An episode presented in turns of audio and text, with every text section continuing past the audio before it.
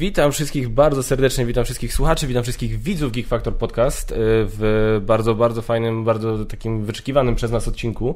E, po pierwsze jest to odcinek wyjątkowy, bo mamy dwóch prowadzących, nazwijmy to, czyli jesteśmy z Basią razem. Cześć, kochanie. Cześć, ja, to, ale, ja tak towarzysko. Ale przede wszystkim e, bardzo nas cieszy osoba oczywiście naszego gościa, czyli e, Piotrze, przedstaw się, powiedz proszę kim jesteś, dlaczego jesteś taki wyjątkowy i fajny. Piotrze, powiedz jak się nazywasz. Na imię mam Piotr i piszę książki. E, a poważnie mówiąc nazywam się Piotr Borlik, jestem pisarzem kryminałów, chociaż już to pojęcie kryminał się tak rozszerzyło, to są już thrillery, to są już nawet momentami książki obyczajowe, które już y, nazywane są y, kryminałami, bo już nie będę wchodził w szczegóły na dzień dobry. E, ale i również jestem fanem gier planszowych i myślę, że o tym dużo dzisiaj porozmawiamy. O, no to znaczy ja wam powiem tak, jak e, myśmy rozmawiali na Facebooku, e, jak się umawialiśmy na ten podcast, to rozmowa może była dosyć krótka, ale podczas tej krótkiej rozmowy mi przynajmniej w głowie się pojawiło tyle tematów, o których my byśmy tutaj mogli rozmawiać, że tu spokojnie 5 godzin jeszcze można by siedzieć, tak? Ale ja myślę, że bym chciał tak zacząć od początku może, e, jak w ogóle Piotr się w naszym życiu, że tak to górnolotnie powiem, pojawił. E, I to wszystko twoja sprawka, więc może ty Nie, opowiedz. to sprawka pani Beaty z kiosku. pani Beat, pa, pozdrawiamy panią Beatę z kiosku. Serdecznie pozdrawiamy. Nie znam pani Beaty osobiście, ale to przez moją ciocię. Całe życie mieszkaliśmy, prawie całe życie, e, na Przymorzu i y, ciocia dalej tam mieszka i y, w czasie jak się tam pandemia rozchulała, no to kiosk był jednym z niewielu miejsc, gdzie ciocia tak z podlady dostawała różne książki, a że jest wielką fanką kryminałów, też jest w takiej sytuacji, że musi siedzieć na miejscu, bo się babcią naszą opiekuje, więc no albo Netflix, albo książka. Zawsze książka wygrywa, ale jak już nie ma co czytać, no to ten nieszczęsny Netflix wchodzi na pierwszy plan. No i tak ciocia już poszła do tego kiosku i mówi, no ma pani jakąś tą książkę, nie? I spod lady Borlik wyskoczył i pani mówi, że pani... Słyszałeś kiedyś takie hasło o sobie? Z lodówki wyskakiwałem, spod lady jeszcze nie, nie było. To pani super, Beatka super. bardzo poleca, powiedziała, że to jest genialne, że y, szczególnie taki sentyment wielki, no bo, no bo o tym Gdańsku i o tym Przymorzu dużo i, i ciocia spróbowała i, i dzwoni do mnie i mówi, Basia, jaki ja fajny odkryłam, nowy taki pisarz, na pewno jeszcze nie słyszałaś, nie? Ja mówię, ja mam, mam małe dziecko, ja tak jeszcze tak nie, nie, nie ogarniam tego wszystkiego, jak ja mam tu książkę książki czytać. Przecież ja się raczej próbuję ten mój mózg doprowadzić do stanu świeżości, taki, żeby ten baby brain przeszedł, a, a ciocia mi tu z kryminałami, ale mówi, nie, zobaczysz, że zaczniesz czytać to 24 godziny i po prostu tak, nie? No wzięłam trzy tomy i teraz się przyznam, no bo ciocia jakby nie powiedziała, że to jest y, trylogia i że to wypada mm -hmm. od początku przez środek do końca. I pierwsze 50 stron przeczytałam z drugiego tomu i po prostu... Y, tak, bo mówimy o trylogii boskiej proporcji, to jest, no tak. tego się zaczęła cała moja przygoda. Tam y, już po okładkach nawet widać, ja to uwielbiam. Niestety nie mamy rekwizytów aż tylu ze sobą, żeby je pokazywać. Mamy, wszystko tam Mamy? Mamy? Wszystkie są? Tak. To, to, to, mów, mów, Pani, pani Beatka zrobiła robotę. Super bo te książki, one, to jest taka też ściągawka dla tego, kto by się nie domyślił właśnie, że to jest trylogia, którą trzeba czytać po kolei, jakie się złączy frontami. Tutaj mamy wszystko. O, ja je może też tak, tak. złączę. Widać, że czytane to, tak. naprawdę. O. Raz, dwa, trzy. Czy to będzie widać? Pięknie będzie. to wygląda, tak. To jest y, taka ściągawka właśnie. Jeżeli ktoś nie wie, że to jest trylogia, no to zobaczywszy to, to tak Dowaliłeś trochę ten No ale za... sięga... One tak nie stały, jak ja je dostałam. Ale właśnie, nie, jak już tak rozmawiamy sobie luźno. E... Nic nie mówię, nic nie mówię. Co to jest dla Was? Bo to, to że tak poważnie rozmawiam ten troszeczkę, bo e, mieliśmy ogromny problem, czy, zro, czy zaryzykować aż tak bardzo i pójść w taką okładkę, która się łączy tak dziwnie i mhm. fajnie przy okazji, że jak ktoś zobaczy w księgarni coś takiego, to, to, co, co, co to jest? Ja bym tak? powiedział, że to jest surowe mięso zawinięte, tak, tak, jak, jak w markecie, nie? O właśnie, o właśnie. I czy byś kupił? Eee, wiesz, dobra, ty byś kupił. Ale... Ja bym totalnie dwa razy kupiła. Znaczy, zwróciłbym uwagę, zwróciłoby to moją uwagę, jakbym zobaczył, że kryminał i tak dalej, no to pewnie tak. Ja w ogóle jeszcze tylko dla słucha... jeszcze dwie uwagi wstępne, o których chciałem powiedzieć. Pierwsza rzecz jest taka, że nagrywamy w warunkach domowych, w których mamy bardzo młodego i czasami bardzo energicznego psa, więc być może czasami będzie trzeba go wyskoczyć, wpuścić albo wypuścić. albo to... żwacza wołowego wy, wyrzucić albo, tak, na ogródek. Albo, więc od razu z góry przepraszamy. Po drugie, yy, podcast jest generalnie przeznaczony dla osób trochę starszych, może dlatego, że czasami my przeklinamy dzisiaj może tak nie będzie akurat, ale też możliwe, że to się pojawią jakieś wątki właśnie kryminalne, o prosektoria i tak dalej, więc Erotyczne. dla osób... O, no, To tego Nie, się nie spodziewałem, ale to już najwyraźniej Basia ma swoje plany na ten podcast. E, więc jeżeli będziecie, po prostu mogą, dla osób o słabszych nerwach może coś takiego się pojawić. Tylko uprzedzenie. Trzecia uwaga z mojej strony. Wszyscy mamy rodziny i bardzo jakby się ktoś martwił, że my się tak spotykamy w dobie pandemii. Wszyscy jesteśmy zdrowi, czujemy się dobrze i y, zabezpieczamy się, A żeby... nie, no tak, tak. wirusów nie rozprzestrzeniać. Ale jesteśmy w bardzo legalnym, y, od tej ja grupy, wiem, ja w tylko bardzo legalnej mówię, no bo ktoś się może martwić, tak? Oczywiście. E, dobrze, więc tak, to jest trylogia i powinniśmy byli to wyłapać. Powinnam była. ta- Ale to było 50 stron i ja się spostrzegłam i y, wrzuciłam w kąt i sięgnęłam po pierwszy tom, żeby od początku czytać. Ale na szczęście najgorzej jakby zaczęła od trzeciego tomu, bo tam, Tak. tam byś dostała takim spoilerem na twarz No. na dzień dobry, to, to nie. Chociaż to, to, tyle to dobrego. tak, to I Polecam zaczynać od początku wszystko. to jest do... pierwszy przekaz tego, tego Tak, nagrania. od instrukcji zaczynamy, a, a, a Dokładnie. Nie, nie gramy bez instrukcji. No i właśnie jak ja się w tym wszystkim pojawiłem, ponieważ e, ja jestem w trakcie czytania boskiej proporcji. Przepraszam Ciebie bardzo, naprawdę, gdyby to był tydzień jak każdy inny, bym miał przeczytaną.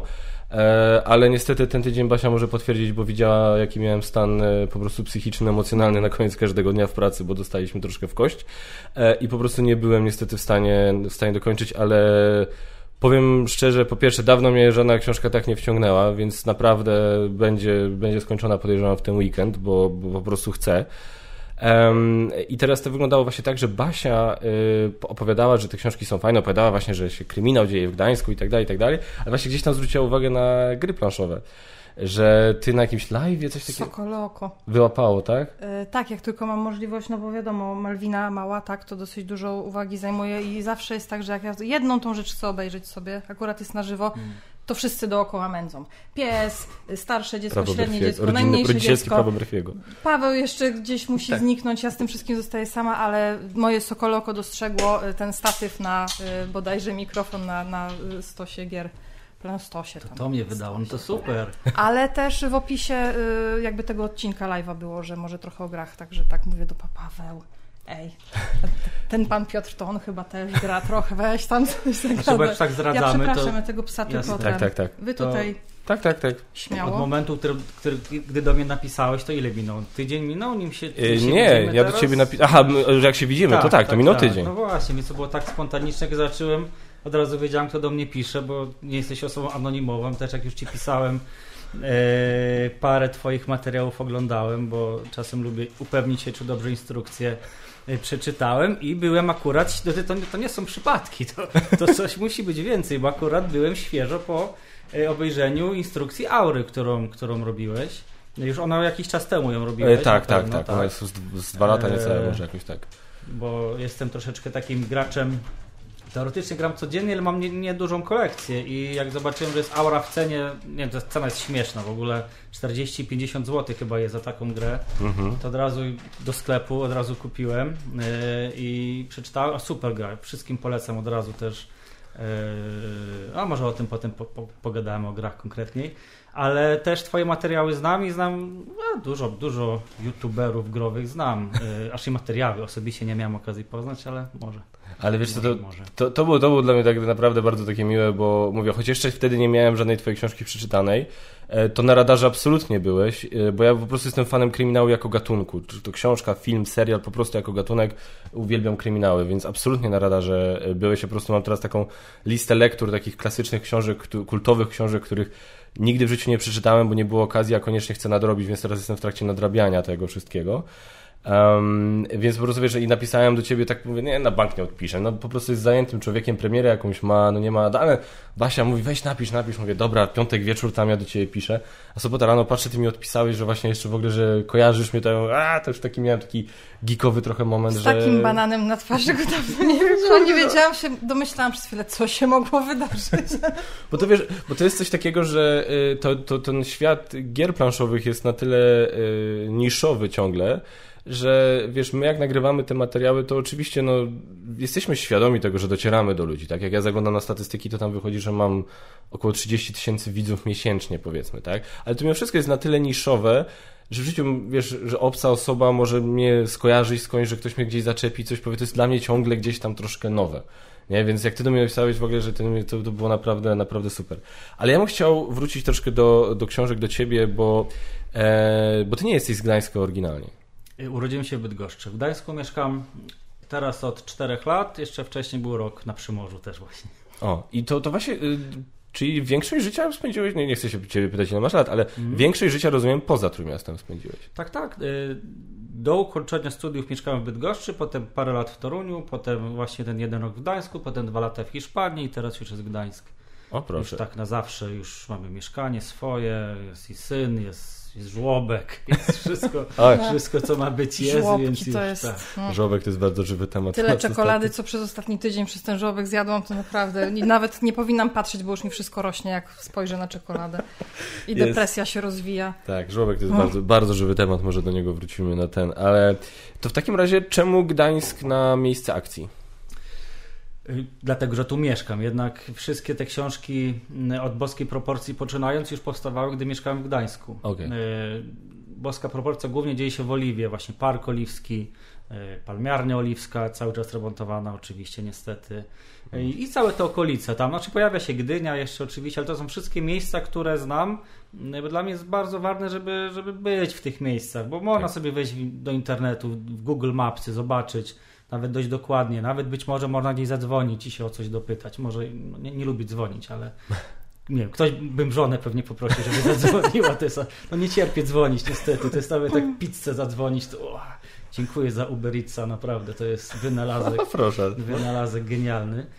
Em, ale no, to jest myślę takie naturalne, że tam gdzie jesteś, to piszesz o tym. Można, E. może byłoby czuć, gdybyś faktycznie tych miejsc nie poznał chociaż trochę, nie? Tak, To by na, było na wyczuwalne 100%, przez taką 100%. osobę jak... Bo Paweł nie jest gdańszczaninem, Paweł jest z Gdyni.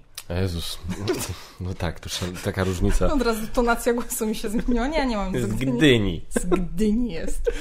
Czyli teraz kawały Gdynia, Gdańsk. Ta- tak? A, już to przerabialiśmy. I tak dalej. A to się źle kończy Tyle dopiero. lat razem jesteśmy, że już chyba przerobiliśmy wszystkie możliwe. Więc tak, dla kogoś, kto tak y, od podszewki zna swoje miasto, to faktycznie może by tam było trochę sztuczności, gdybyś y, nie, nie znał tych miejsc. Ale zrobiłem e, jeden błąd duży, który mi wytknięto. Jest taki fajny profil mm, facebookowy.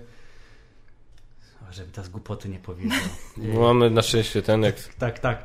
E, nie, chodzi mi o to. Ja, ja napisałem, że tutaj akcja bodaj w trzecim tomie, czyli w Białych Kłamstwach, mm, ktoś opowiada o starówce w Gdańsku. Mhm. I taki profil facebookowy Gdańsk nie ma starówki albo Stare Miasto w Gdańsku, coś takiego. Do mnie się aż odezwali, że, że to nie jest tak. Gdańsk nie ma starówki, w Gdańsku jest Stare Miasto. Mhm. I mi to wytknięto i No, to tak. to, są, to są tacy puryści. Ja, ja rozumiem, że to dla kogoś ważne. To bardzo podziękowałem za to. Bardzo, bardzo coś nowego się no- dowiedziałem i ludzie na to patrzą. Jest e, super, ludzie są w Sopockim Klubie Kryminału, który zawsze bardzo fajnie polecam. Bardzo fajny jest klub kryminału właśnie związany z biblioteką w Oliwie. Też mieliśmy super spotkanie połączone ze spacerem po, m, po Parku Oliwskim. I ci wszyscy ludzie, oni naprawdę wchodzą bardzo mocno w te wątki y, związane z Gdańskiem, sprawdzają, czy, ta, czy, czy te miejsca są.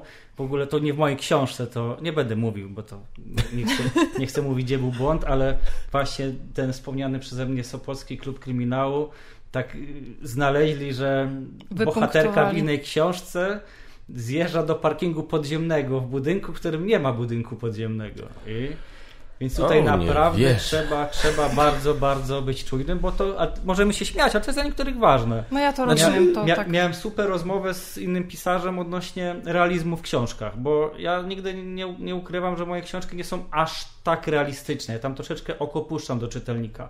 Okej. Te, te zbrodnie są spektakularne, artystyczne, można powiedzieć, i y, staram się oczywiście, żeby to wszystko było jak najbardziej uzasadnione, żeby czytelnik w to uwierzył, ale czy takie zbrodnie dzieją się w rzeczywistości? Mm, rzadko, na pewno bardzo, bardzo Nie rzadko. mów, że nie, bo To właśnie miało być moje główne pytanie, ale e, spokojnie, wrócimy Dobra, do tego. dobra, dobra. E, I dla niektórych, takich już naprawdę zatwardziałych e, czytelników typu Agata Christie właśnie, no to też już jest problem jakiś, że no ale jak, jak w palmiarni, jak, jak to się mogło wydarzyć? Nie. I już, już w tym momencie odkładają tę książkę. I okej, to też nie mam nic przeciwko tego, to jest taka, taka wrażliwość, takie, takie wymagania mają, mają od, od książek i fajnie. A, a innym przeszkadza właśnie brak, brak e, parkingu w budynku, w którym autor twierdził, że jest parking. Ja, czy, okej, dobra, to ja teraz się przyznam, że jak ja czytałem e, właśnie Boską Proporcję, to e, był motyw, będę bardzo ostrożny raczej. parking? Znaczy Bo to za aż- chwilę, aż to za, rzuciłeś ale to za chwilę, nie, to za chwilę, to za chwilę, to za chwilę, to też, też coś, co chciałem, chciałem powiedzieć. E, nie, ale nie, nie, nie, już nie rzuciłem, tylko że tak, a, pozytywnie, zaraz wszystko wytłumaczę. E, tylko miałem mo- moment, e, gdzie aż pamiętam, jak e, biuro, e, będę bardzo ostrożny, jeśli chodzi o spoilery, nie bójcie się, e, bardzo gorąco zachęcamy oczywiście do zapoznania się. Em, z, był motyw, gdzie e, komisarz jechała do siedziby Herbudu i że to jest w Gdyni na ulicy Parkowej. Więc ja od razu telefon, Google Maps, gdzie mówię, kurde, brzmi znajomo. Gdzie jest Parkowa? A, kojarzę. Potem jest motyw, gdzie z tej y, firmy idą na śniadanie, do restauracji. I, że, I czytam, że w Sopocie, na, w Sopocie nad morzem. Ja mówię, kto z Gdy, na serio w Gdyni jest tyle fajnych restauracji, kto by z Gdyni jechał do Sopotu na śniadanie, ale za chwilę jest wyjaśnienie, że to jest tam właściciel. I mówię, a, nie, dobra, dobra. Czyli To tak, jest- tak, tak, bo mówimy... Też cały- miałem taki ta moment, Ulica tak. Parkowa, to też tam z kolei moi teściowie swego czasu mieszkali, więc ten budynek, w którym mieści się Herbut, fikcyjna firma oczywiście, też sobie obejrzałem, jak tam wejść, jak, jak co zobaczyć, jak, jak wyjechać, gdzie jest parking, czy wszystko jest.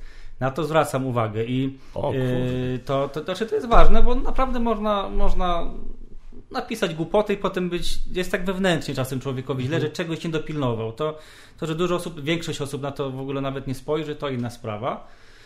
E, Tak samo jest z gotowaniem, to, to nie wiem, czy to o tym będziemy rozmawiać, A bo tak, u mnie tak. jest dużo, Ja się na tym kompletnie nie znam, więc... jest dużo gotowania, bardzo dużo gotowania, Tak. zwłaszcza w trylogii. To wszystkie są potrawy przeze mnie przetestowane, osobiście robione, czasem z pomocą żony też, e, więc to, to też jest sprawdzone, tam też ten research się dzieje, ale mówiąc o tym braku realizmu, mi chodziło o samą, samą właśnie ten, ten, ten artyzm zbrodni, bo to jest, to jest ten, co większość osób przyciąga, bo to jest coś oryginalnego, to rzadko się spotyka.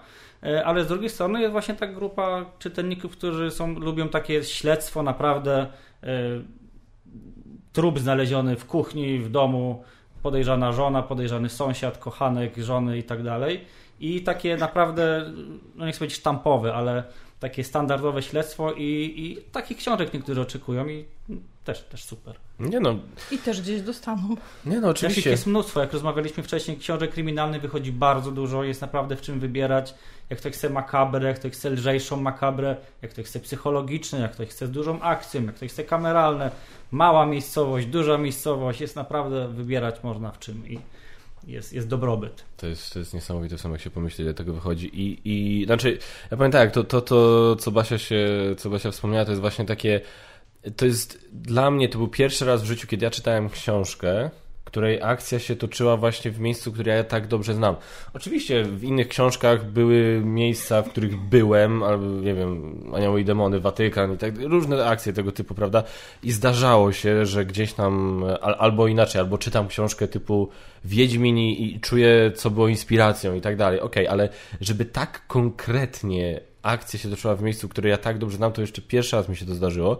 I ja w tym momencie, powiem szczerze, stwierdziłem, nie odbierz tego, proszę cię, źle, że ja w sumie nie wiem, czy ja byłbym dobrą osobą do recenzowania, bo ja to w tym momencie zupełnie inaczej odbieram taką książkę. I to, co No Ba- jesteśmy nieobiektywni, myślę, dużo Abs- absolutnie nie. I wiesz, i to jest to, co Basia mówiła, ten moment, że ja rzuciłem tą książkę, to, to, to był w zasadzie taki, jak y, czytasz i, i, i ta policjantka Agata w jednym momencie, na, na samym początku prawie mówi, kto to widział zresztą, żeby przy par- Parku Oliwskim nie było dużego, bezpłatnego parkingu? A ja tak, no właśnie, kurde, Nie, kto było takie, no w końcu ktoś to... Właśnie, że nie tylko ja o tym pomyślałem, nie? Więc jakby to jest takie emocje tutaj temu towarzyszą, co jakby no z innymi nie ma możliwości. Też od siebie dodam, nie cierpię, uwielbiam bibliotekę w, y, w Oliwie, świetne miejsce, świetni pracownicy, świetni czytelnicy, super organizują y, aferę kryminalną, też taki festiwal kryminalny.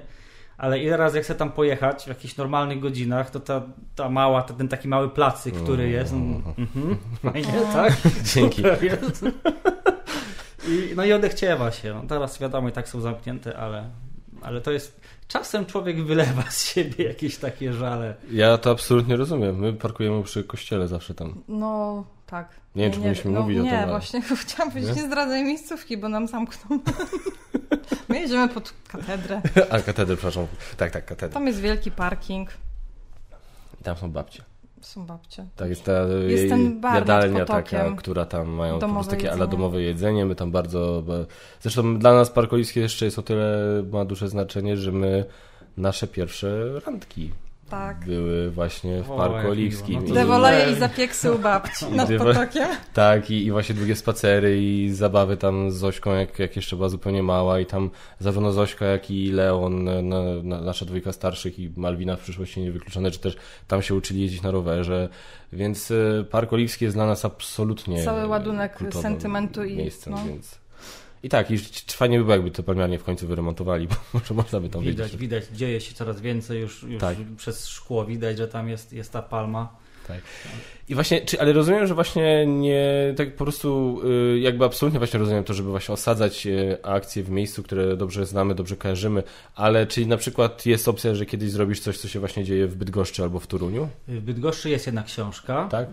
Wymazani z pamięci. Przeczytałam, Tak, A, jeszcze tak, tak. tak. Dobra. To są takie dwa miejsca, gdzie są dla mnie oczywiste, że książka, że akcja musi tam być. Troszeczkę się boję, że ten gdański Trójmiasto trochę eksploatuje za bardzo. Już te wszystkie fajne miejsca, albo no nie chcę, nie chcę jakiejś powtórki, ale z kolei mm, stworzyła się bardzo fajna grupa już w Trójmieście, która wiem, że czeka na te książki. Wie, że oni chcą, żeby te książki się u nich działy. Ja też lubię tych ludzi. E, Nawet teraz, nie wiem kiedy to oczywiście puścisz, może to jeszcze, jeszcze się wyrobisz, ale dla mieszkańców Trójmiasta planujemy zrobić konkurs e, z najnowszą książką, czyli Skłam, że mnie kochasz, w którym do wygrania będzie no raz, że egzemplarz książki z podpisem, dedykacją i tak dalej, ale egzemplarz wręczony przez autora osobiście, tam z zadzwonieniem do drzwi i chwilą rozmowy, chyba, że ktoś sobie nie będzie życzył, no to oczywiście można pocztą wysłać. Onieśmielony ktoś. Zostaw może pod, drzwi, zostaw pod drzwiami i idź. może, Tobie to- pandemii. może tak być.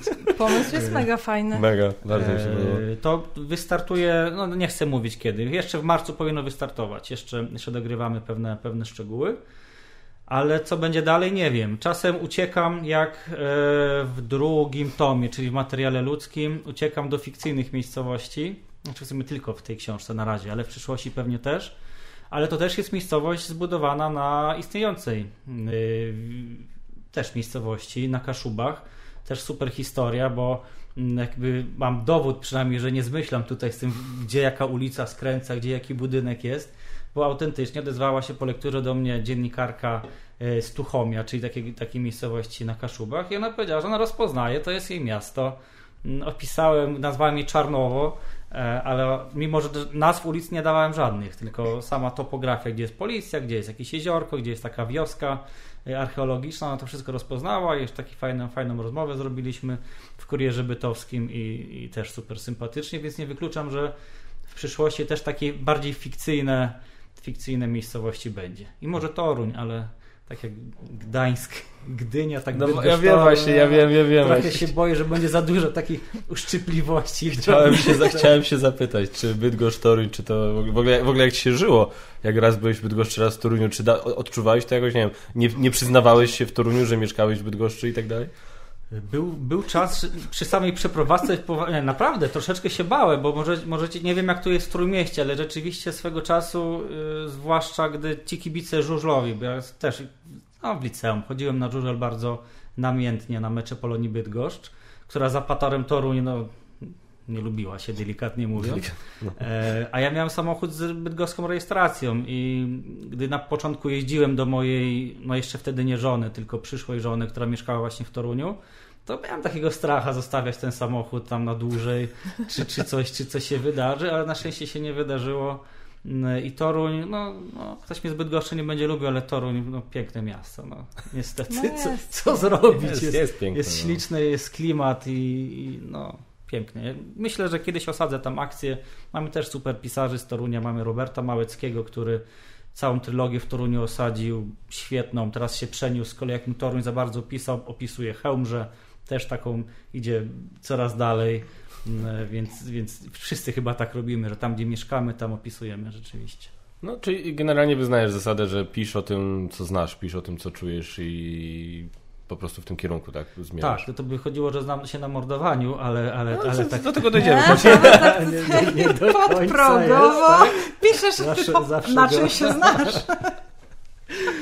Ale to jest ta część researchu, jeżeli już o tym rozmawiam, jeżeli mm, wszystkie rzeczy związane z takimi mm, medycznymi aspektami, to na szczęście mam w rodzinie lekar, lekarkę, która zawsze ją o coś zapytam, ona potem pyta dalej i miałem takie naprawdę pytania przeróżne w stylu odnośnie najnowszej książki, właśnie jak wbić to ostrze, pod jakim kątem w serce wbić to ostrze, żeby człowiek przeżył jeszcze z ostrzem wbitym, co się wydarzy, jak to ostrze wyjmiesz. Ona tego nie wiedziała, musiała dopytać, to co tam dopiero się dzieje, kiedy lekarz z lekarzem się spotyka i, i słuchaj, jakbym wbiła ostrze, to między które żebra najlepiej, żeby on jeszcze Jak przeżył. Tak. Więc takimi rzeczami, mam, mam to szczęście, że mam, mam, mam dużo lekarzy w rodzinie, takiej dalszej, ale moja teściowa jest... Czy, czy to jest rodzina jeszcze? Ale. Nie, po, kochana, kocha, kochana mamusia.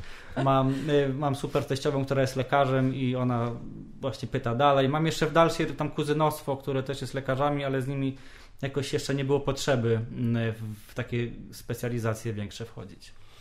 To super. Ja jestem to, nie?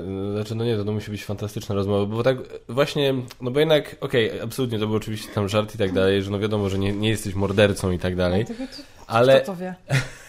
Ja to nie wiem. Ale no nie da się ukryć, no jak czytasz, yy, mówię, nawet jak ja jestem w połowie boskiej proporcji i, i czytam że te różne opisy, i nie, niektóre i tak dalej, to, yy, że tak się, nie wiem, twoja żona czasami przeczyta te opisy i tak popatrzy na ciebie, że no, takie rzeczy w twojej głowie siedzą. Oj, my z żoną, to jest też temat rzeka, my ja z żoną wszystko konsultuję, ona wszystko wie dużo wcześniej, nim, nim to powstanie, Aha.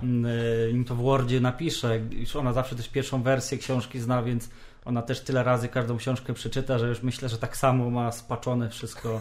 E, ale ona to jest fanka horrorów z kolei, więc tutaj też, też jakby to jest dla niej chleb powszedni. Znaczy, bo ja powiem szczerze, ja zawsze miałem, ja miałem od jakiegoś czasu taką teorię, że... Coś mi jakiś... Kłaczek, przepraszam. Kłaczek w ogrodzie, dziękuję. Miałem taką teorię, bo y, na temat tego, że każdy człowiek ma w sobie troszkę jakąś taką, nazwijmy to tak ogólnie bardzo, taki lekki mrok. Tak uważam, że po prostu każdy z nas to, to, to ma.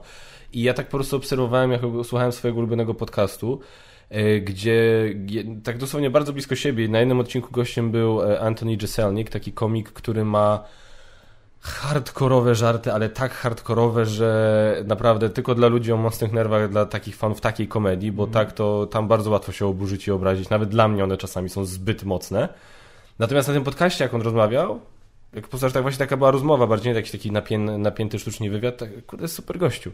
Bardzo pozytywny, sympatyczny. Następny wywiad, następny podcast z facetem, którego muzyki i filmów nawet nie tykam, bo to już jest właśnie dla mnie zbyt mroczne. Rob Zombie a gościu, po prostu, a rozmowa z nim, ja po prostu mówię, ty, po rozmowie jak go słuchałem, mówię, ty normalnie gościu, z którym byś usiadła, wiesz, przy stole, napiła się browara, po prostu super sympatyczny facet, bardzo taki życiowy, taki nie, nie tego.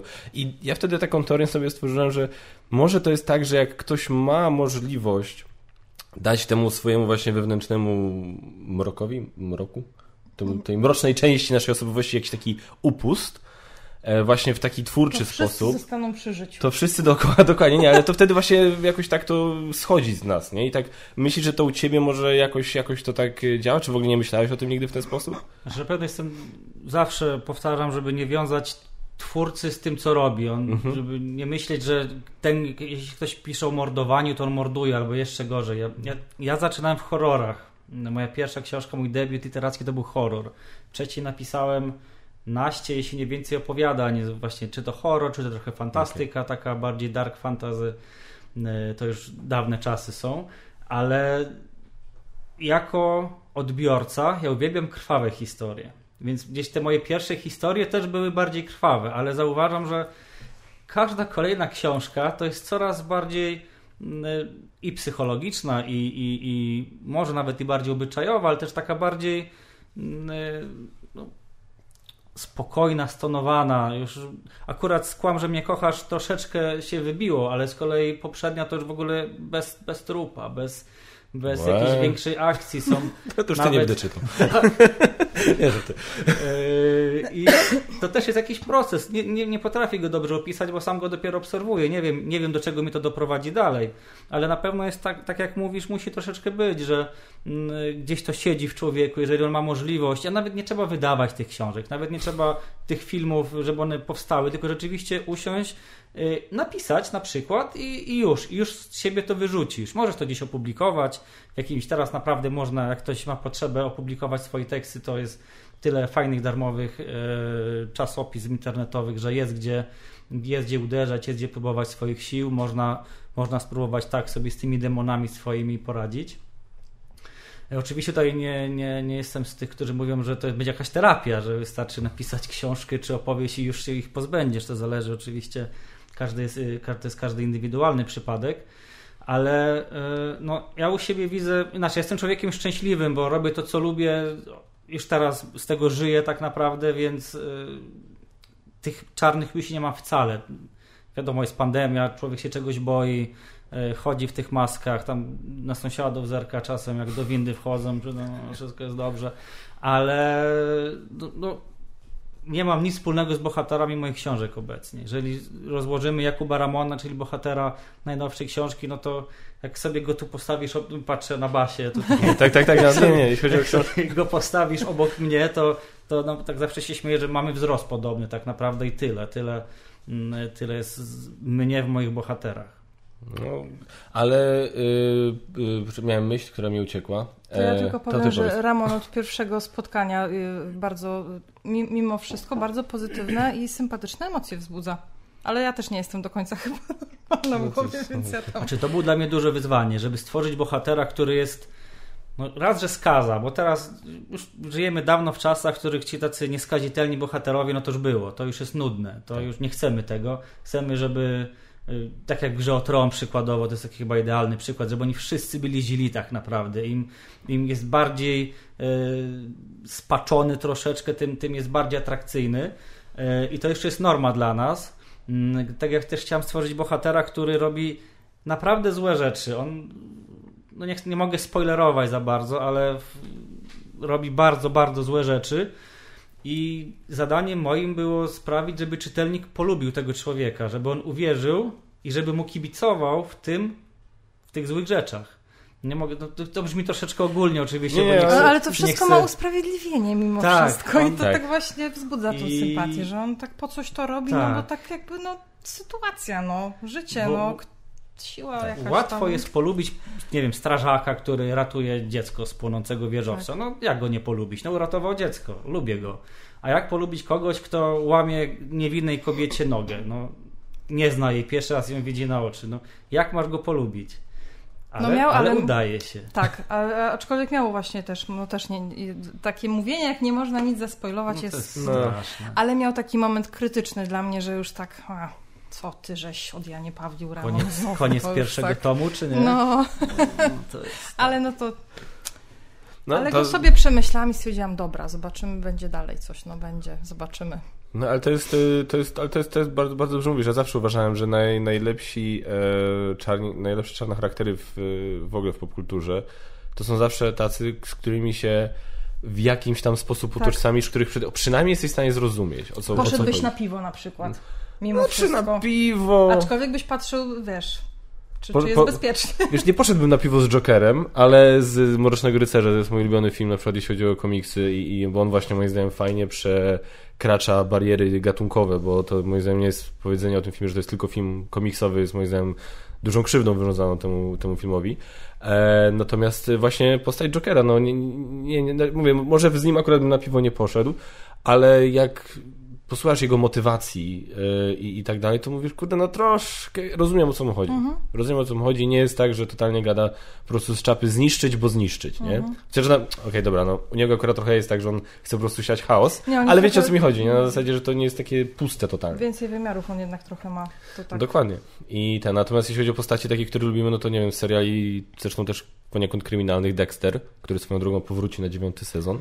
Boję się tego bardzo. A ja się, ja się bardzo boję, ale pociesza mnie fakt, że za scenariusze, czyli za tą całą ekipą, która teraz to tam pisze, jest odpowiedzialny, teraz żeby mnie przekręcił, Clyde Phillips chyba. On, on był odpowiedzialny za pierwsze cztery sezony, czyli za najlepsze sezony Dextera. Prawda. I więc on wrócił, żeby dokończyć jakby to, więc ja to tak trochę odbieram, że on wrócił, żeby dokończyć po swojemu. Tak się w tych książkach, bo jak się przyjrzycie okładce, to tutaj e, inspiracja Dexterem jest. Tak? Tak, tak. Znaczy ja zauważyłem To- podobieństwo, ale nie wiedziałem, że to jest, że to jest taka bezpośrednia inspiracja, tak? Że... Inspirowaliśmy się wybierając tę tę- tę okładkę właśnie, żeby Jest taki fajny trailer do tego powstał z aktorką, która z tą folią się dała obwinąć. Tam, o jest, jak to się... Piękna sprawa zupełnie.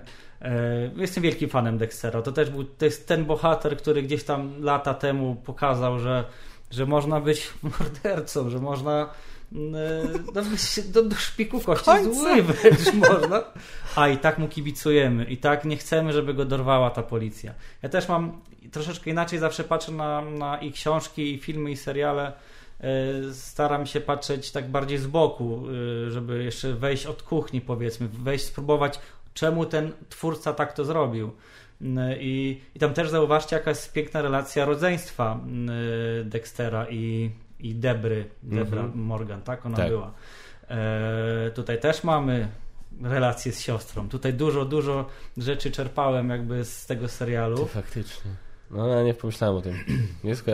Bo nie skończyłeś pierwszego tomu. Jeszcze nie skończyłem pierwszego. Dobrze, skończę i tak. I nagramy drugi odcinek e, podcastu. jak już wszystko, Możemy nawet jak, serię zrobić. Jak już wszystko przeczytam. Po każdej książce. Ja jestem, no, ja jestem chętny. Ale o grach coś było też. Ja A nie, no zaraz, zaraz to, zaraz...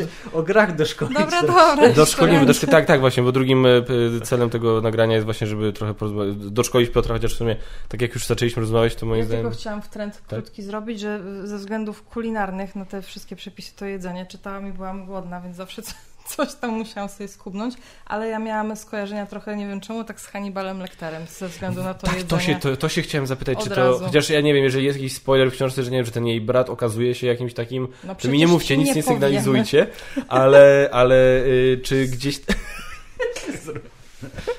Paweł, nie, później, później. Ale, e, czy, czy, bo, ale na przykład właśnie opis, jak e, właśnie przed Artur gotował i takie zamiłowanie, no to nie zdradzając, czy ta postać się tak, jej łuk skończy, czy jakaś inspiracja postacią Lektera tam była? To jest jeden z zarzutów, który się pojawiał, że, on, że Artur jest podobny właśnie do, do Hannibala, ale Zarzutu? Tu, zarzutu, tak, no. tak. Jest, jest jako zarzut traktowany. I o ile. Jest psychologiem, e, lubi gotować. No. Jest podobny, no. No jest, ktoś tam, znaczy teraz dostrzegam pewną kalkę nawet, jakbym tak teraz z perspektywy czasu może się zasugerowałem, ale o ile do Dextera powiedzmy tak w cudzysłowie przyznaję się, o tyle Hannibala nie. Yy, bardzo się zdziwiłem na początku, że to porównanie się pojawiło, teraz je rozumiem, jest ono uzasadnione.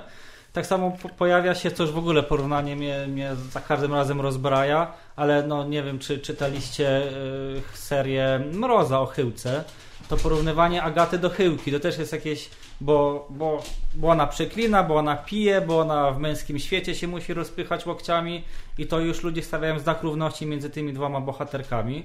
Z tym też się nie zgadzam, to jest dla mnie zupełnie zupełnie y, nietrafione. Znaczy, y, ja powiem tak, ja chyłki nie znam. E, Przepraszam, jakby... też, też nie, nie, nie podjęłam jeszcze tej no, rękawicy. Ale, no, znaczy, właśnie to jest może też, e, jakby zamykając temat, e, wątek Lektera, jakby, jakby ja rozumiem, tak, mi się też gdzieś tam te podobieństwa nasunęły, ale żeby to, ale to nie jest na tyle, żeby mówić tutaj o jakimś zarzucie i tak dalej, absolutnie byłbym daleki od tego.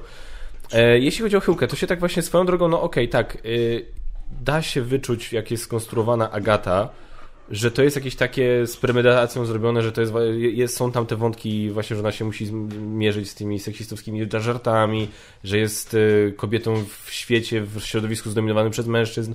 Tak, da się to odczuć, że to jest, ale i teraz, ale żeby to od razu nasuwało porównania do chyłki, no to teraz pytanie, czy to jest kwestia, że my za mało o tego typu sytuacjach wiemy, czy to jest kwestia tego, że takich postaci jest po prostu za mało? Myślę, że przede wszystkim Chyłka jest znana przez. Jeżeli ktoś czyta kryminały namiętnie, to zazwyczaj Chyłkę przeczytał. Przynajmniej pierwszy okay. tom, albo jakie inne. Znaczy, no, no Chyłka jest najbardziej umroza, jednak taka mm, produkt najbardziej rozpoznawalny. I ja rozumiem troszeczkę to skojarzenie, tylko to też pokazuje, nie chcę nikogo obrazić, ale troszeczkę dość wąskie myślenie, że jeżeli jest zgadzają się dwie rzeczy, no to to już jest znak równości pomiędzy mm -hmm. tym. To, to, ciężko, ciężko mi się zawsze rozmawia z tymi ludźmi, którzy tak, tak to postrzegają, bo to jest dla mnie krzywdzące, zarówno dla Chyłki, jak i dla Agaty. One są tak od siebie inne. To są.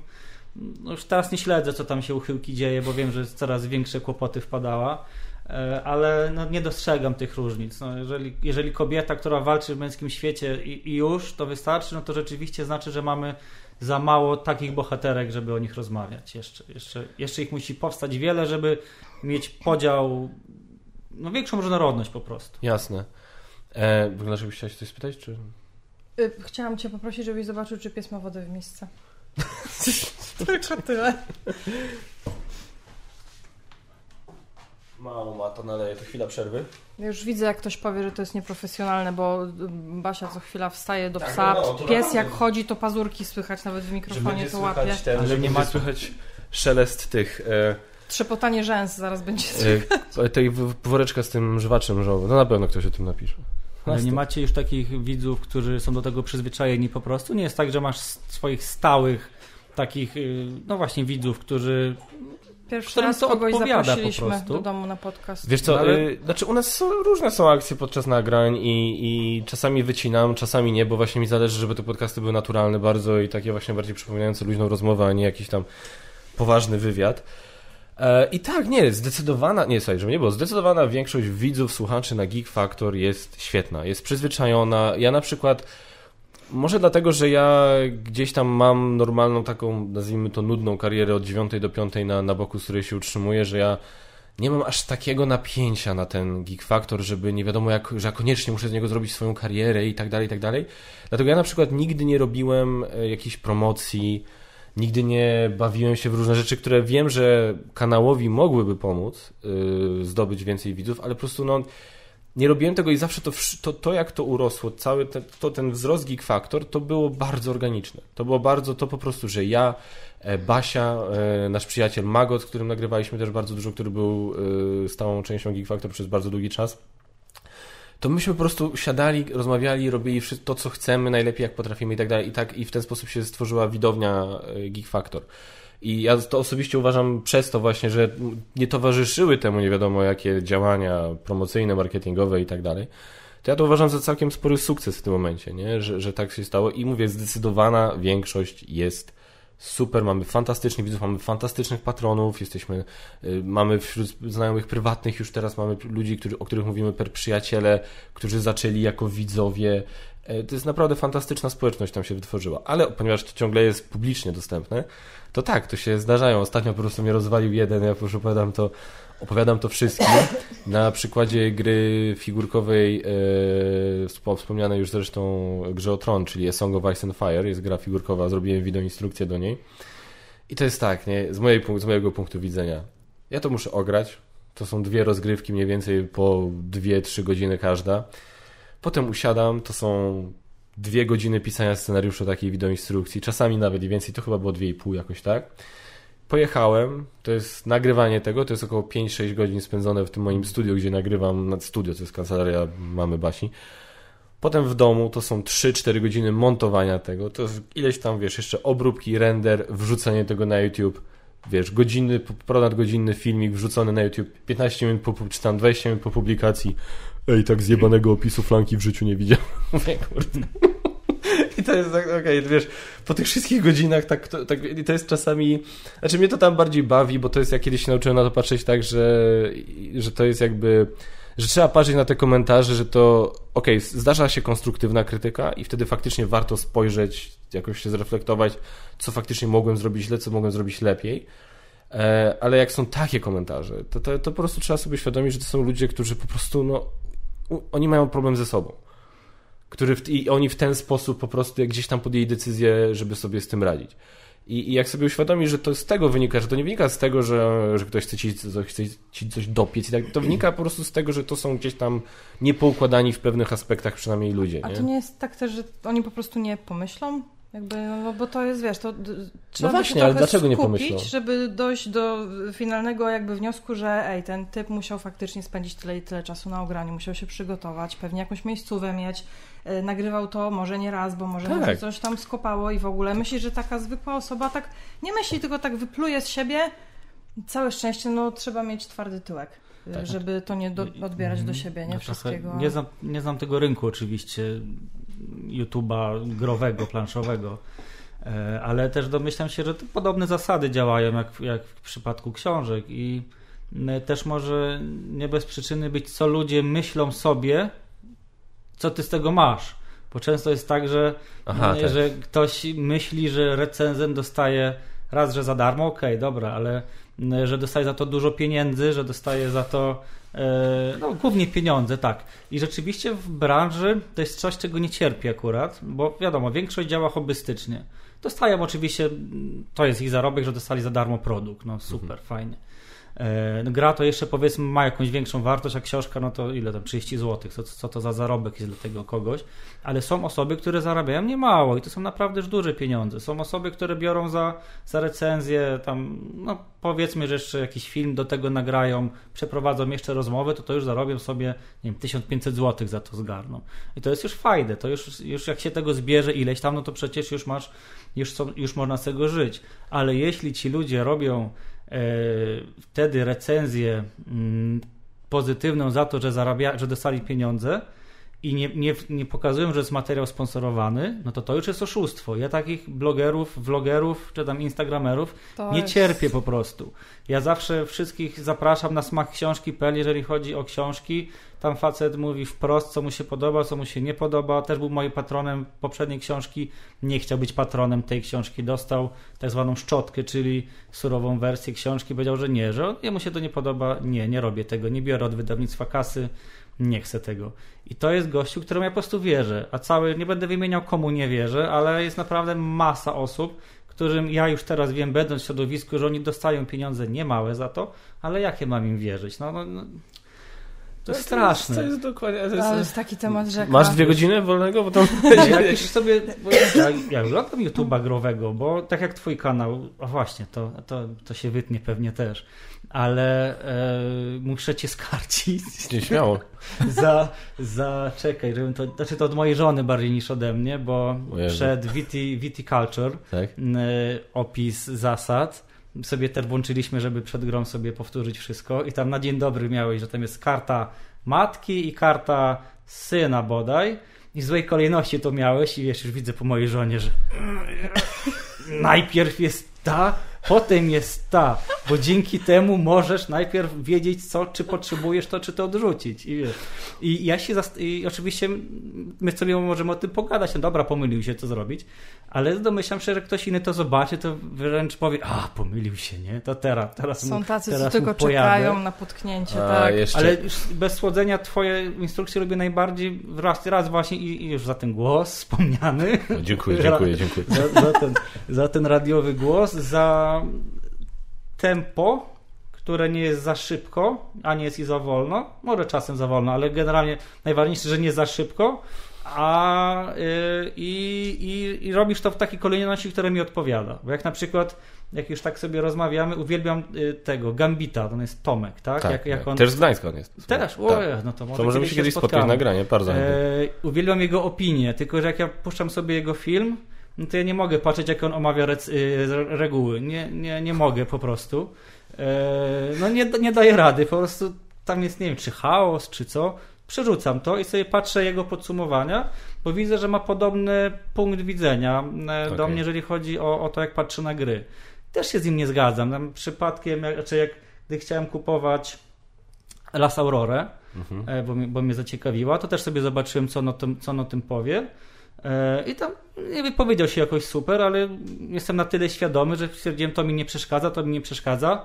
O, ta mała regrywalność powiedzmy, że mi może akurat przeszkadzać i rzeczywiście po kilku partiach widzę, że już mi to przeszkadza pomalutku, ale ja jemu wierzę w to, co on mówi, że, że, że, że mnie nie oszukuje. Jakaś mhm. jest, jest, nim, jest nim ta prawda. Jest, tak. Nie wiem, może oczywiście może, może się da mu naciągnąć na to, że mu, że mu nie wierzę, ale to jest jedyny z takich, którym, któremu uwierzę, że to, co mówi, jest prawdą, że to jest naprawdę mu się to nie podoba. Czy ja się z nim zgadzam, czy nie, inna sprawa. Mhm. Ale że po prostu, no właśnie, powtórzę się, wierzę, wierzę w to, co on mówi. Znaczy, no, y, po, po, pierwsze, po tym, co powiedziałeś na mój temat, to na bank tego nie będę wycinał, e, więc to już wszystko zostanie. Pozdrowienia dla żony Piotra. E, postaram się lepiej. Natomiast powiem Ci tak, taki błąd jeszcze, że ja tam faktycznie gdzieś tam zamieniam kolejność. Znaczy, mi się zdarzają te błędy, tak, no bo jednak mimo wszystko też jestem gdzieś człowiekiem i, i, i to podczas nagrania, podczas montażu nie wyłapię pewnych rzeczy, to się zdarzy. E, takie pojedyncze błędy, to to jest pikuś, ja, ale dla mnie i dla moich widzów, dla moich wielu widzów i słuchaczy, i też straciłem, podejrzewam, ilość tam widzów, jest taka jedna wideoinstrukcja, która wraca po prostu jak bumerang raz na jakiś czas w różnych komentarzach. To jest wideoinstrukcja do gry Root, gdzie miałem jakąś pomroczność, jasność, popełniłem tam sporo błędów. ludzie je wyłapywali, a mało tego, ja wtedy miałem w życiu taki dosyć średnio udany okres, że tak powiem, więc e, e, miałem strasznie ciężko mi było się zebrać, żeby coś z tym zrobić i niestety wideoinstrukcja już zdążyła mieć tyle wyświetleń, że już nie chciałem jej kasować, nie chciałem jej usunąć, e, tylko szybko wróciłem i te wszystkie uwagi spisałem w jednym komentarzu i ten komentarz tam zrobiłem przypięty. Napisałem przeprosiny, że no, dałem ciała, no słuchajcie, przepraszam, dałem ciała, powinienem był to zrobić wcześniej, powinienem te błędy jakoś tam coś tego, tego. Ta wideoinstrukcja i tak powraca. Czasami są dyskusje na grupie gry planszowe na Facebooku na temat właśnie oglądanych youtuberów, planszówkowych i tak dalej. Jak się pojawi, tak? Buczy. Przepraszam. Jak się pojawiam temat y, Geek Factor ktoś rzuci, to bardzo często się zdarza, że ktoś właśnie wspomni, że ja Geek Factor oglądałem, ale jak zrobił recenzję, wideoinstrukcję Ruta, to już po prostu nigdy więcej, nigdy w życiu, nie? I tak dalej. No, no więc... Może jest trosze, troszeczkę na, na zasadzie tych pojedynków fanboy, bo to, to jest, to jest też bardzo dziwne, jak jak dorośli ludzie potrafią, to też jest przy książkach, jest to samo. Tak jak wszyscy, praktycznie wszyscy autorzy żyją w zgodzie, naprawdę, gdy jest festiwal kryminalny, no to tam, no teraz wiadomo jak jest, ale powiedzmy wino leje się też, tak jak lacie po wino na takich spotkaniach, wszyscy lubią się zwyczajnie po prostu a ich czytelnicy to po prostu na forach potrafią się tam no, no nienawidzieć zwyczajnie. Bij zabij za tak. mojego autora. I, I to jest, to jest przedziwne, że, że komuś się nie spodobała moja książka, to moi czytelnicy go teraz tam pojadą, nie znasz się, nie zrozumiałeś. No nie jest I, tak i troszeczkę, I moje ulubione miło? idź czytaj mroza, nie? To jest, to jest moja ulubiona wrzutka. Nie podoba się idź czytaj mroza. Ja lubię Dobry. książki Mroza i to też jest takie, no nie wszystkie wiadomo jak to tam, gdy już ktoś wydał tych książek, nie wiem, 50 czy lepiej. No Remigiusz ma do, do, dobry przebieg. Mają, ale ja mam taką śmieszną swoją znowu, ale nie, nie, w sumie ja się, nie, to się wytnie, bo nie, znowu mów. wyjdzie, że jestem jakaś głupia. Nie, nie jesteś głupia. Nie, ale wszyscy wiedzą, słuchajcie, e, wstępnie jak Basia nie jest głupia, teraz mów dalej. jak już to mamy z głowy, to już no... Nie 2 plus 2 jest 5. E, no nie, bo e, jakoś tak dawno to już było. Jeszcze na Przymorzu mieszkaliśmy, na Dobroszczaków i właśnie miałam taki e, okres, że mogłam sobie poczytać i potrzebowałam też w sumie takiej ucieczki mentalnej. Nie chciałam grać w grę, to był taki kryzys growy, ale jestem takim Pamiętam. narkomanem książkowym. Jak ja już złapię książkę, to tak jak z twoimi książkami. Tak sobie myślę, dobra, no to widzimy się w sobotę. Książka do mnie przyszła w Dzień Kobiet. No spokojnie ją przeczytam, ale z zegarkiem w ręku 24 godziny na książkę mi wystarczają. I tak w sumie potem sobie myślę, jak to się dzieje. No i miałam okres, że weszłam w te książki i potrzebowałam, ja bardzo lubię Lisa Gardner na przykład z, z takich zagranicznych, bo ona bardzo fajne takie y, kryminały, ale mocno psychologiczne, mhm. a mnie mózg ludzki, głowa bardzo zawsze interesowały i myślę, że gdzieś kiedyś sobie na taki kierunek studiów Uniwersytet Trzeciego Wieku jeszcze zaliczę, bo, bo żałuję, że gdzieś tam dwóch kierunków naraz nie robiłam, oprócz prawa to jeszcze tą psychologię. I ten, i y, patrzę, jest jakaś książka i no takie skandynawskie nazwisko, nie? I tak sobie przeczytam, hmm, no ciekawe. Nie było w ogóle, jakoś nie spojrzałam na zdjęcie, nic w ogóle, Aha, nie? wiem o co ci chodzi, pamiętam to. Ale była wielka, żółta naklejka z czarnym napisem tam minus 50%, nie? Wracam do domu, mnie te naklejki wnerwiają. One się na szczęście zdejmują w taki sposób, że nie niszczą książki. I pod spodem było, że to jest właśnie y, mróz. To nie jest tak, że ja go nie chciałam kupić. Ja po prostu bardziej chciałam or oryginalny, bo mróz też jakby na sposób taki skandynawski, jakby to nie jest żadna tajemnica, tak? On tam y, bardzo mhm. dobrze ma to zgłębione i to jest wszystko bardzo takie prawdziwe. Natomiast po prostu ręce mi opadły, jaka jestem głupia, że ja jakoś nie wyczaiłam. No czytasz z tyłu tej książki, jest często jeszcze jakiś tak, y, autor się zdarza często, nie gdzieś tam jest napisane, tak. że on pseudonimem. Zdjęłam tą naklejkę, jak, ale, patrzę, że bo... to wcale nie żaden jakiś tam no ale to nie, no Boże, no. Sven czy kto inny, tylko nasz rodzimy mróz. No ale bo to był on pod pseudonimem, tak, tak, no to, tak, to nie jest tak. Boże, no ale ja się poczułam, taki... że mam deficyt jakiś po prostu umysłowy. To chyba na początku nie było jawne, że to, że to jest mróz. Tak, teraz nie tak? pamiętam dokładnie. Dobrze, to nie było jawne na początku. Jak już była naklejka, to, to już może było ciut później, zwłaszcza, że przeceniona książka. To, to nie było w dniu premiery, ale, ale tak.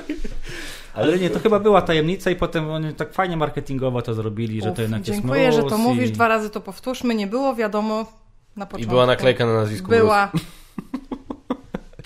No, mam tą książkę, ale już nie będę, mam tutaj pełno tych książek, więc nie będę już tego wygrzebywać, ale jest znaczy, jako dowód. Jeśli chodzi o jeszcze o płatne recenzje, wracając, e, bo to, co ty powiedziałeś, to praktycznie można by kropka w kropkę dać e, do wielu dyskusji właśnie na temat gier planszowych, na temat recenzji gier planszowych.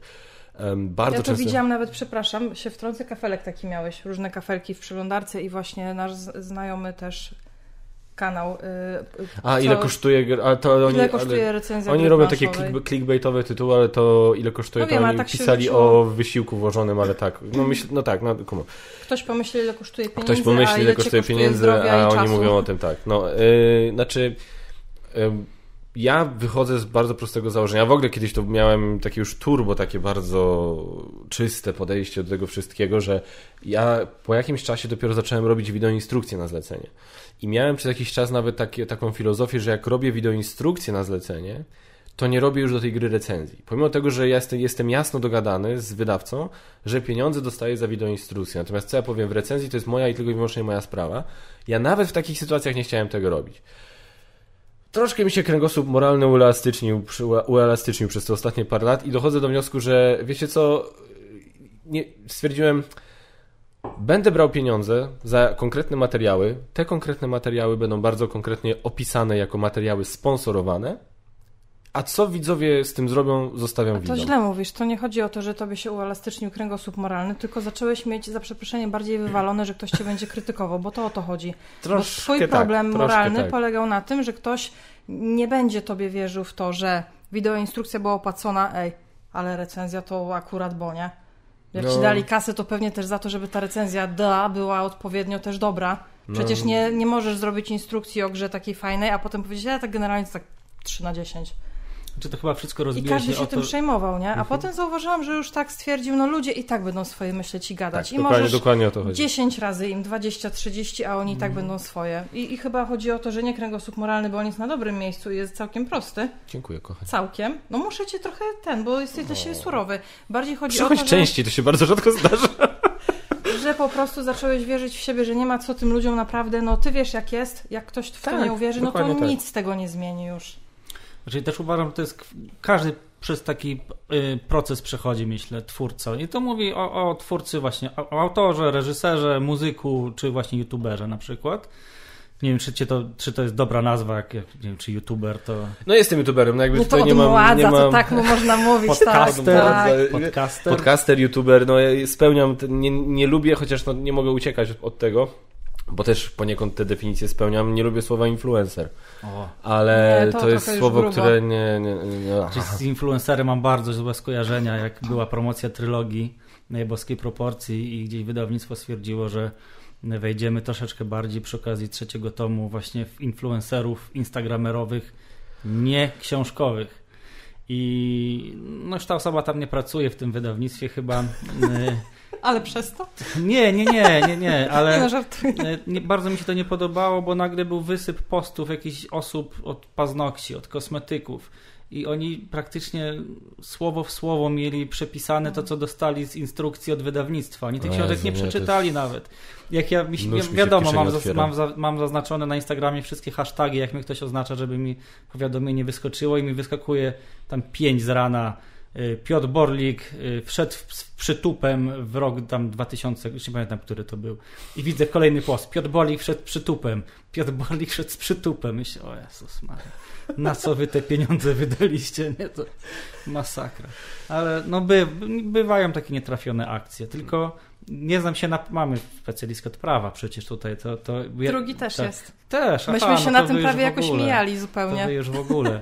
Bo mnie to zawsze zastanawiało, jak to jest z oznaczeniami, bo z tego co ja się orientuję, to musi być obowiązek, że to, jest, jest materiał prawo płatny. Jak I najbardziej. ja może czegoś czas, czasem coś przegapiam, bo mi się wydaje, że, że w świadku literatury, mówię tutaj bardziej, to nie zawsze jest nie zawsze jest pod, jakoś zaznaczone. Nie wiem, nie wiem, czy na Instagramie też to musi być zaznaczone, czy na YouTubie też to musi być zaznaczone, że To znaczy, to, materiał sponsorowany, te, tego nie wiem.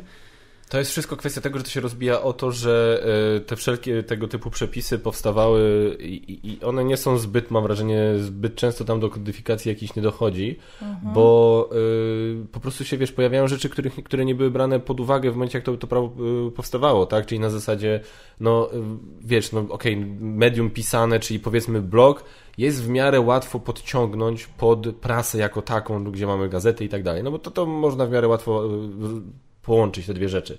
No ale już post na Instagramie, no co to jest? Czy to, to, to, to, jest, to jest medium, inter... no, no, okej, internet, ale Czy to jest pisane, czy Nie, to jest no wizualne, czy bo przecież wszystkie- można na Instagramie zrobić wideo, czy to jest materiał. Wiesz, rozumiesz? To jest potęga. Te wszystkie media Tak. społecznościowe to już jest maszynka do robienia pieniędzy, więc jak najbardziej Tak, i jakby. zawsze blachę na tyłek trzeba mieć. Tak, i, pra, tak i, prawo, i prawo prasowe jakby mówi jasno, tak, jeżeli materiał jest sponsorowany, to musi być to jasne oznaczenie, musi być jasna komunikacja. Zresztą ja też pracowałem w reklamie e, w wyborczej w e, Interi i jakby też wiem właśnie z punktu od strony tej reklamodawcy, tak, że wszelkie treści promo, e, jakby sponsorowane muszą być tak oznaczone, żeby widz dostał jasny komunikat. Mało tego, w przypadku gazet treści sponsorowane muszą być i muszą się jas, w jasny sposób wyróżniać. Że to nie wystarczy, że zrobisz coś, co wygląda identycznie, a na przykład w rogu gdzieś tam napiszesz że materiał sponsorowany. Nie, nie, to musi być jasno wyróżnione jakoś od reszty treści redakcyjnych, nie? No ale wiemy, I- że w życiu tak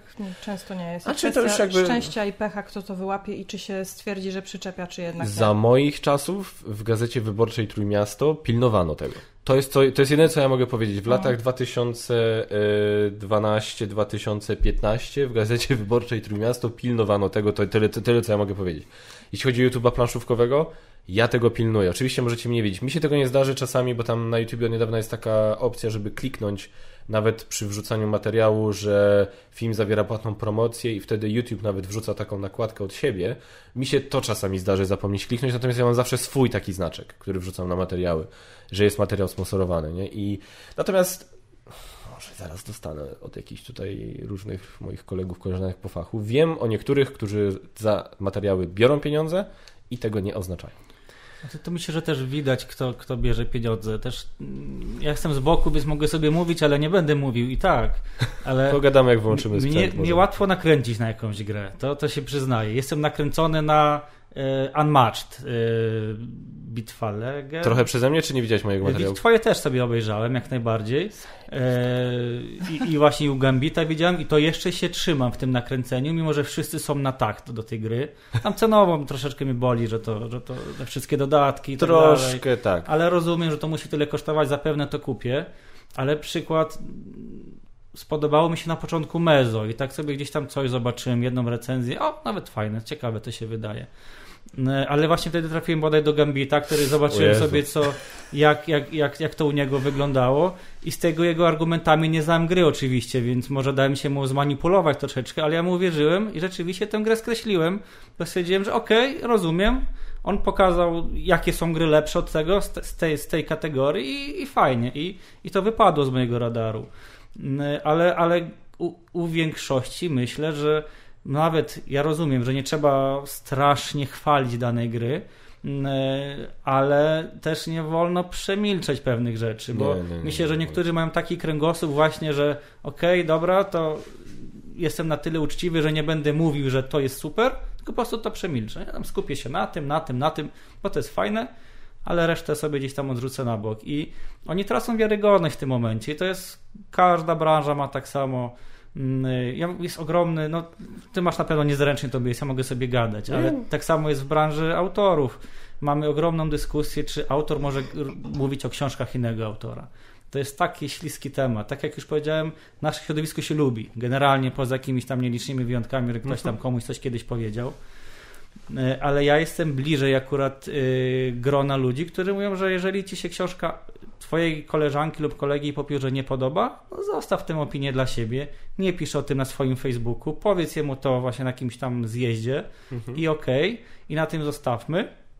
A są ludzie, którzy chcą jak najbardziej to nagłaśniać. Chcą powiedzieć, że to jest zła książka i wtedy tych swoich ludzi nasyłać na to, że to jest zła książka, żeby na grupach literackich, które bardzo prężnie działają, każda grupa tematyczna, kryminalna, są jest kilka takich bardzo opiniotwórczych tych grup E, i, i, i tam też łatwo takie mini wojenki powiedzmy. Mi się to nie podoba. Nie lubię, kiedy twórca o innym twórcy mówi źle. Już lepiej niech nic nie mówi, więc troszeczkę może tutaj sobie zaprzeczam, ale dla mnie jednak twórca kontra twórca, a recenzent kontra, kontra produkt to jednak jest inna zupełnie, inna zupełnie moralność. E, I rozproszyliście mnie teraz. Nie, nie, Nie, bo się kręcisz. bo ja się tak- kiwam w krześle i pewnie, że on tak przepraszam. Zastanawiam się, czy Eee, wszystko dobrze. Nie, nie, dobrze. Ale, ale no dostrzegam właśnie podobne mechanizmy, które mi się niekoniecznie podobają. No w planszówkach mi się masa rzeczy podoba, masa rzeczy mi się nie podoba. możemy o tym naprawdę długo, długo dyskutować. No, czy to, to jest, wiesz, jeśli chodzi o y, akurat y, recenzentów planszówkowych, to tutaj różnie bywa. Raczej y, w większości się lubimy. W większości te relacje są bardzo serdeczne. Gambita uważam za swojego przyjaciela i, i bardzo często się spotykamy. Trafiłem. Dzwonimy, tak, tak, dzwonimy, wiesz, dzwonimy do siebie na, na urodziny i tak dalej. Tak, Mezo moim zdaniem Gambit potraktowałeś za surowo. Uważam, to jest mimo wszystko moim zdaniem naprawdę niezła gra. Aczkolwiek zgodzę się, że w kategorii gier tych Dudes on a Map, gdzie mamy te figurki, są lepsze. Okej, okay, tak, to przyznaję. Um, natomiast y, tutaj bym bardziej porównanie zrobił do y, wydawców gier planszowych, gdzie jakby masz y, wydawnictwa też w większości żyją ze sobą w zgodzie i, i wspierają się i pomagają sobie no jest taki jeden przykład takiej dosyć otwartej, absolutnie nie wojny, ale nazwijmy to, gdzie jest tam im nie po drodze, to jest Portal i Rebel. Mhm. E, Trzewik nawet zrobił film na YouTube na swoim kanale, gdzie opowiada o, o, o grze Rebela Nemesis, y, która miała masę tam błędów i tak dalej. I on w tym filmie podkreśla, że mu z Rebelem nie jest po drodze i coś tam, coś tam, ale gdzieś tam tłumaczył, czemu mogły takie, a nie inne błędy w produkcji zajść, co nie przeszkadza mu mimo wszystko polecać niektórych gier Rebela, bo mimo wszystko Rebel wydaje dobre gry, nawet jego zdaniem i jakby, wiesz, tylko tutaj też jest inna sytuacja, że jakby, e, wiesz, wy, zdarza się im też powiedzieć na przykład coś złego o grze innego wydawcy, ale na przykład Trzewik, e, o właśnie, to już akurat o nim mówię, to mi się skojarzyło, on opowiadał o Brzdęku to on na przykład swoją opinię ubrał w takie słowa, że słuchajcie, no my jako portal, no my nie, akurat niespecjalnie rozumiemy fenomenu brzdęku, no ale okej, okay, dobrze się sprzedaje coś tam, coś tam, coś tam, więc niby negatywnie, ale też nie do końca, plus jakby wiesz, łatwiej, jest ten łatwiejszy jakby tutaj e, inny aspekt, że mamy do czynienia z sytuacją, gdzie wydawnictwo wydaje dużo gier, mimo wszystko, więc jak o jednej grze ktoś coś powie, że jest nie halo, to to jakby może za dużo nie zmienić. Natomiast jakby podejrzewam autorzy, no nie wydajecie kilkudziesięciu gier w roku, nie, nie piszesz kilkudziesięciu gier w roku, więc jakbyś... Książek. O... Książek, przepraszam, dziękuję. Ale może i do gry. Może ja kiedyś... ostatnio połowi, że to co nie jest coś, coś to ten, ale w głowie. Jakąś fajną tą do fabularnej. I, I wiesz, to więc jakbyś pewnie twój kolega jakiś tam po fachu, o ile się nie nazywa Remigiusz Mróz, nie wydaje kilkudziesięciu gier, nie, nie, książek w roku nie pisze, E, więc jakbyś pewnie swojemu koledze po fachu jakąś jedną książkę troszkę tam zjechał, to by go to pewnie bardziej zabolało, nie? Więc to Czy też jest inaczej, bo wydawca wydaje, on tego nie tworzy. On to daje pieniądze, ktoś, autor gry tworzy grę. W niektórych, w, w niektórych znaczy w portalu na przykład to są, to są moje dzieci na przykład. Ano. Więc to jest, też jest inaczej, mogę być bardziej wrażliwy na to. Ale z kolei macie podobną sytuację chyba z tym Wiedźminem, który który tam niebawem ma się pojawić, to przecież też y, ten y, Łukasz, tak? tak to, to, to, też jest i recenzent, i, i, i, twórca gry.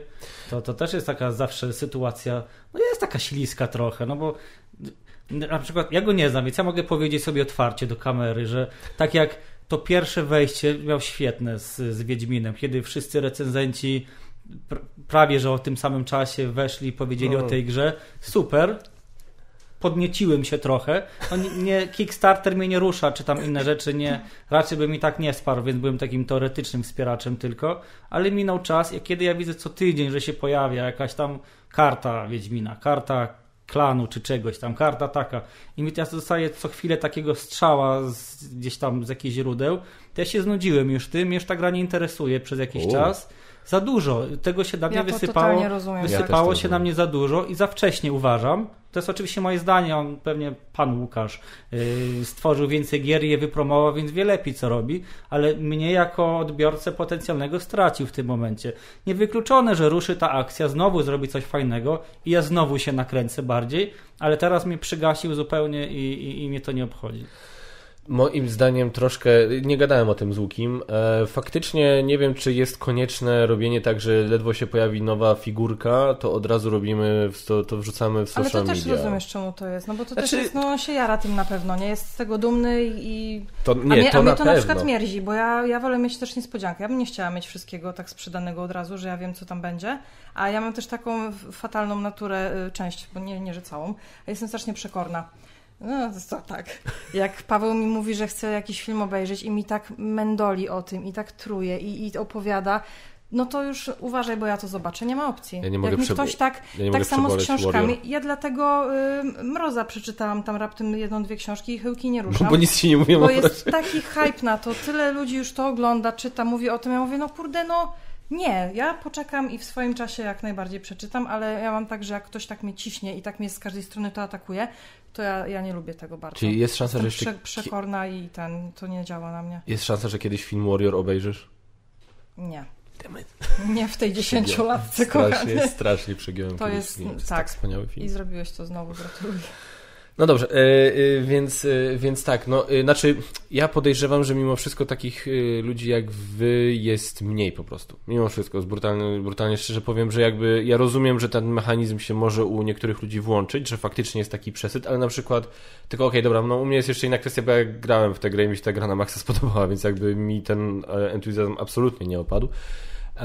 Natomiast nawet y, gdzie inni wydawcy, inni autorzy robią coś takiego, to jeżeli ogólnie jestem zainteresowany grą, to mi to nie przeszkadza jakby, nie? I myślę, że niestety więcej ludzi, znaczy nie, niestety, no niestety, niestety więcej takich, więcej jest ludzi takich jak ja, którzy do tego podchodzą. Tacy ludzi, którzy, których tak przesadnie, tych ludzi będziemy słyszeć, bo oni będą o tym pisać w komentarzach, będą o tym mówić i tak dalej.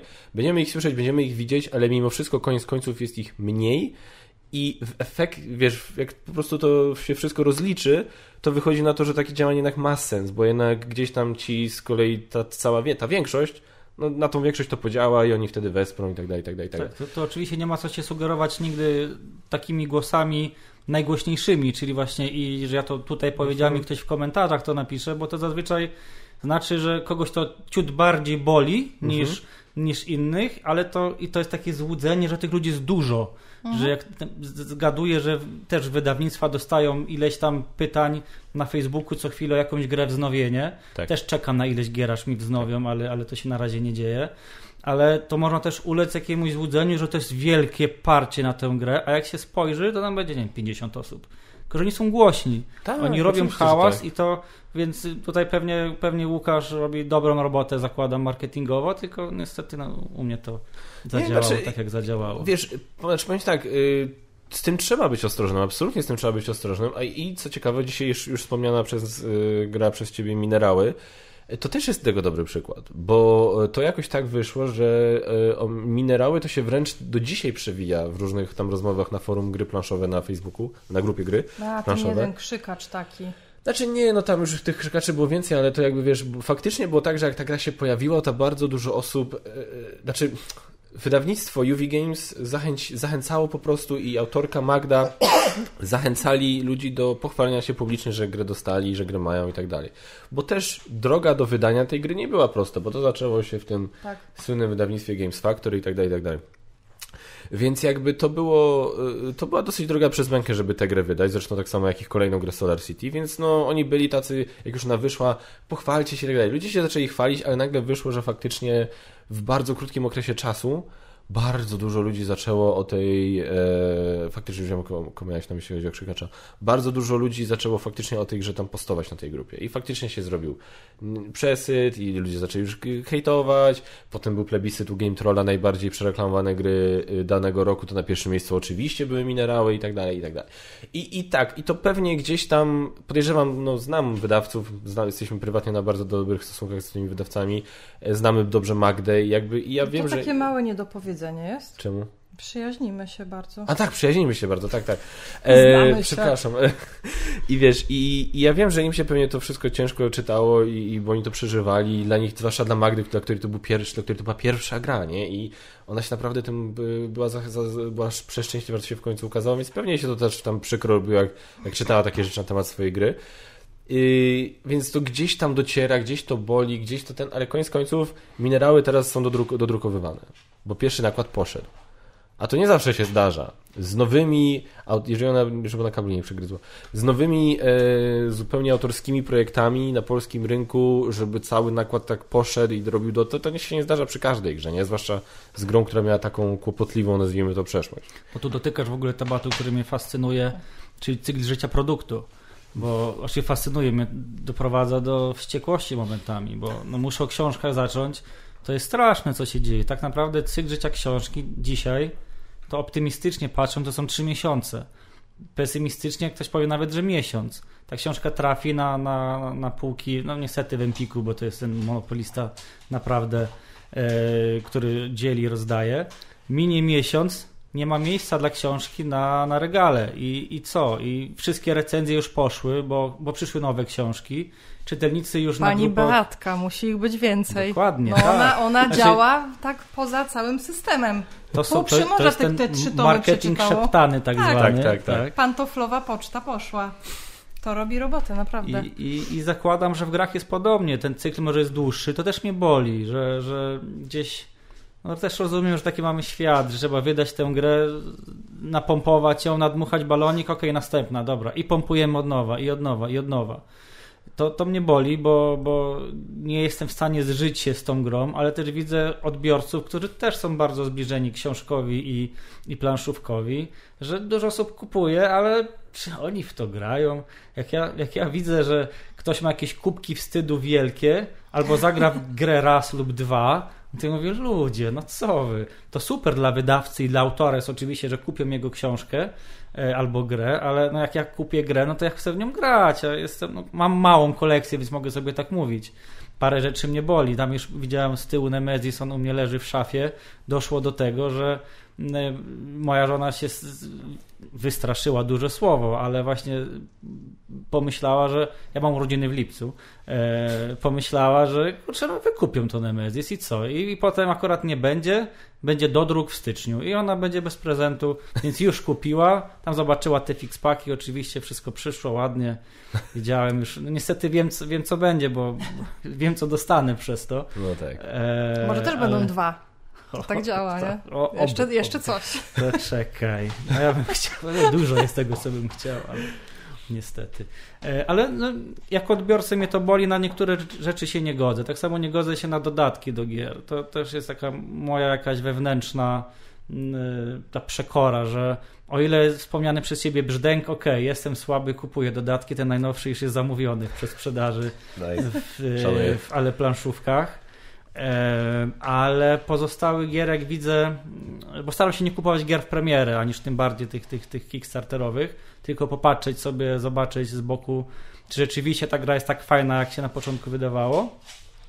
Ale no, no nie chcę, to, no dobra, okej, no, to Everdell, tak, czyli te, te nasze tam drzewko i tak dalej. Tak ja widzę kolejny dodatek, kolejny dodatek, kolejny dodatek. Zwłaszcza, że one tanie nie są. które kosztują właśnie masę pieniędzy, to ja się zastanawiam, czy to było tak zaprojektowane od razu.